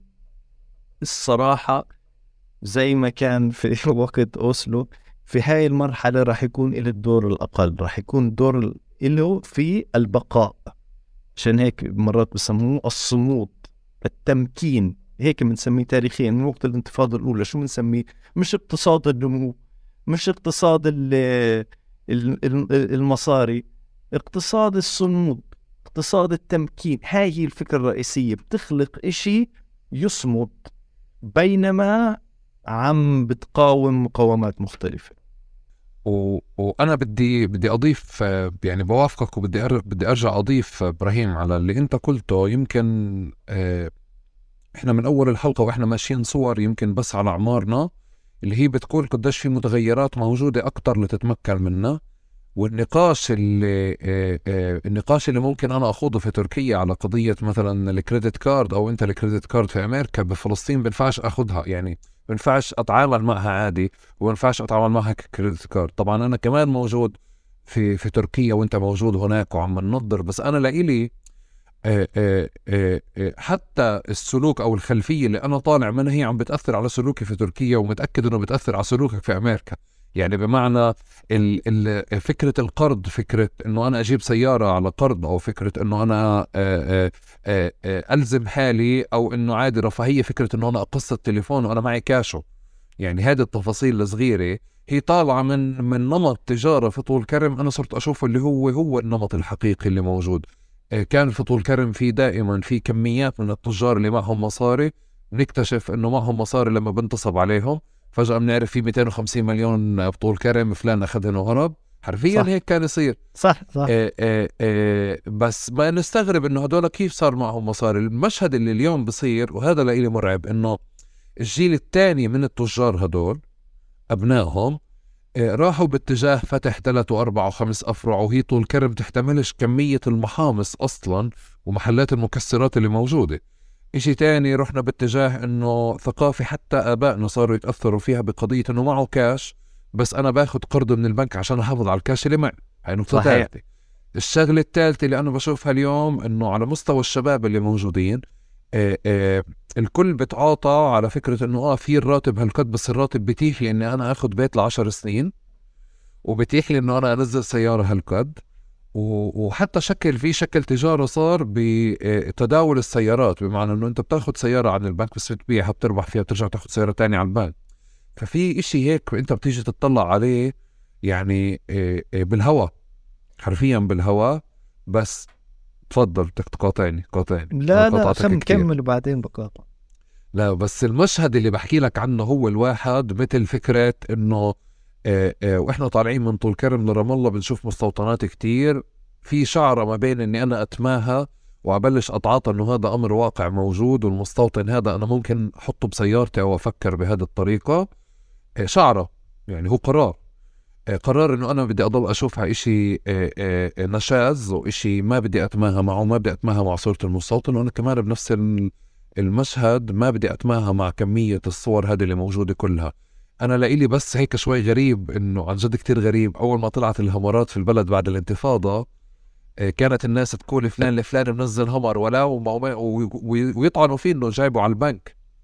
أنا عم بطلع اليوم الكل بيشكي من إنه البلد معبى تعبى ترنجات فصاروا بده يغيروا بده يعني بده ينزل الغالي الفراري والنيسان والبي أم والأمات. وإحنا ما عندنا أصلا شوارع أنت تسحب فيها بالإم تبعتك ولا بسيارة السباق اللي موجودة. ففي بلد عن جد على الهوا. يعني هيك. أنا ما بعرف حتى هيك تاني يوم كمية السيارات اللي موجودة مثلا هذه لما بدها ترجع تنباع عشان الناس يعني تغطيها أو كمية البنوك شو ممكن تعمل بالناس. لما آه، لما يعني يصير في حالة اقتصادية وبتعرف هذا المشهد اللي قبل فترة صار لما آه، السلطة طلبت من الناس وقفوا معنا وما بدنا نحول آه، ما بدنا نحول مصاري. إنه قالت الناس تمام بنوقف لأنه زي ما أنت قلت في إرادة سياسية موجودة. بس النظام نفسه فعليا صار ينزل الراتب اللي بتقتطع منه أنت القرض اللي عليك.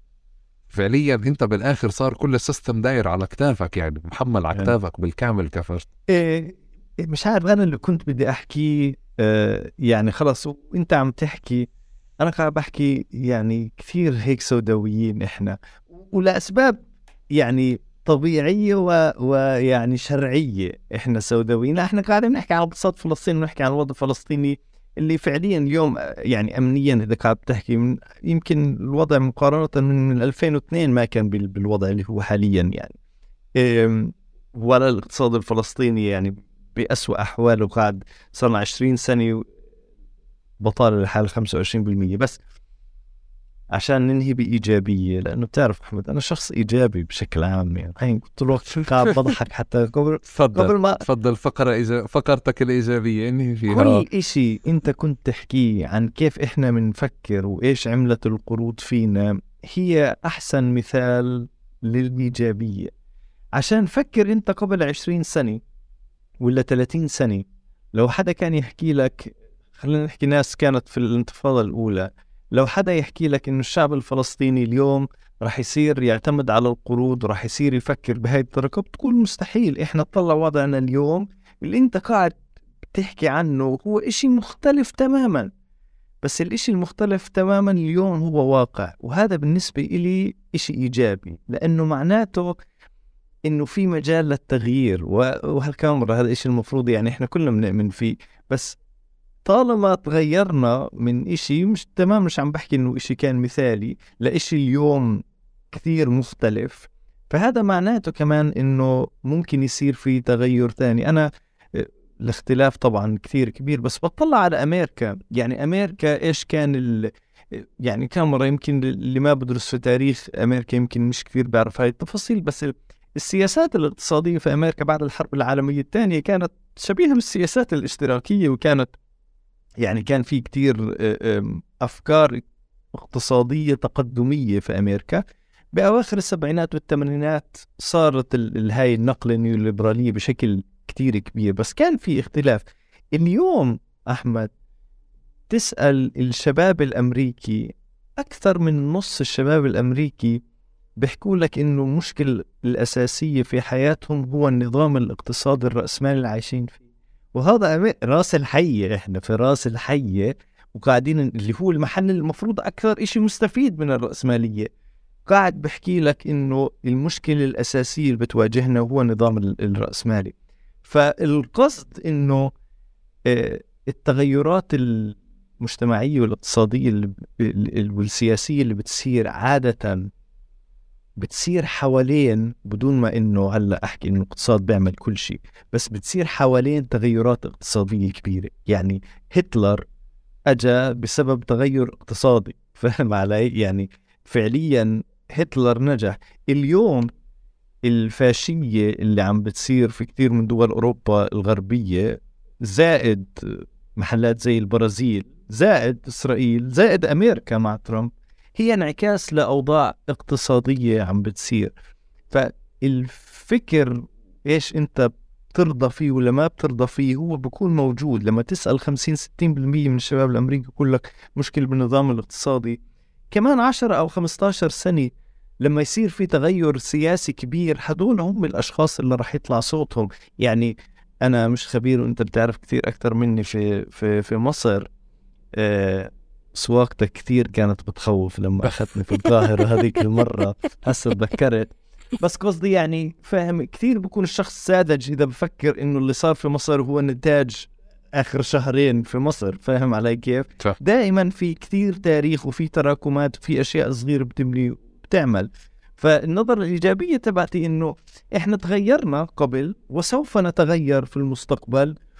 وجهة نظري كان مرة المتواضعة هون إنه الجيل الفلسطيني الجديد بغض النظر عن توجهاته السياسية بغض النظر يعني ابن فتح زي ابن حماس زي ابن الشعبي زي اللي ملوش إيه المنظور تبعه عن الاقتصاد والسياسة المستقبلية الفلسطينية أحسن من الجيل اللي قبلنا. وبالتالي التغير الجاي قد يكون على المدى القصير أسوأ كما مر بين قوسين. ولكن بالمستقبل أنا شايفه أنا شايفه إيجابي. هاي محاولاتي لا أنا أنا أنا, أنا تماما. لا أنا أنا أنا أنا عندي محاولة أكثر هذا. أنا بنظري كثير واضح. إحنا فعليا دائما بكل تحليلاتنا بفلسطين بنحلل الآني وين إحنا واقفين. بس الحلو في هذه البلد إنه دائما فيها من الأحداث ما يكسر كل الواقع إحنا بنعيشه. ففعليا دائما في كثير آه، نظريات بتطلع وبتصير وبنقعد نفكر فيها وأرضيات نوقف ونحلل عليها بعدين يعني بتنتصف كلها. وبدي هيك بتعرف بس على الهامش امبارح بقرأ قاعد آه، آه، خبر في تركيا بيطلع واحد كاتب كأنه بوست أو ناشر آه، رسائل انه له سنين عم بيشتغل على المعارضة في تركيا وعلى قضية رسالة الدكتوراه تبعته عاملها على الطاولة السداسية اللي هي شكل المعارضة ضد النظام الحاكم اللي موجود. فصار في امبارح انسحاب لواحد من الحزب نسف له نسف له هو شو بفكر بالكامل.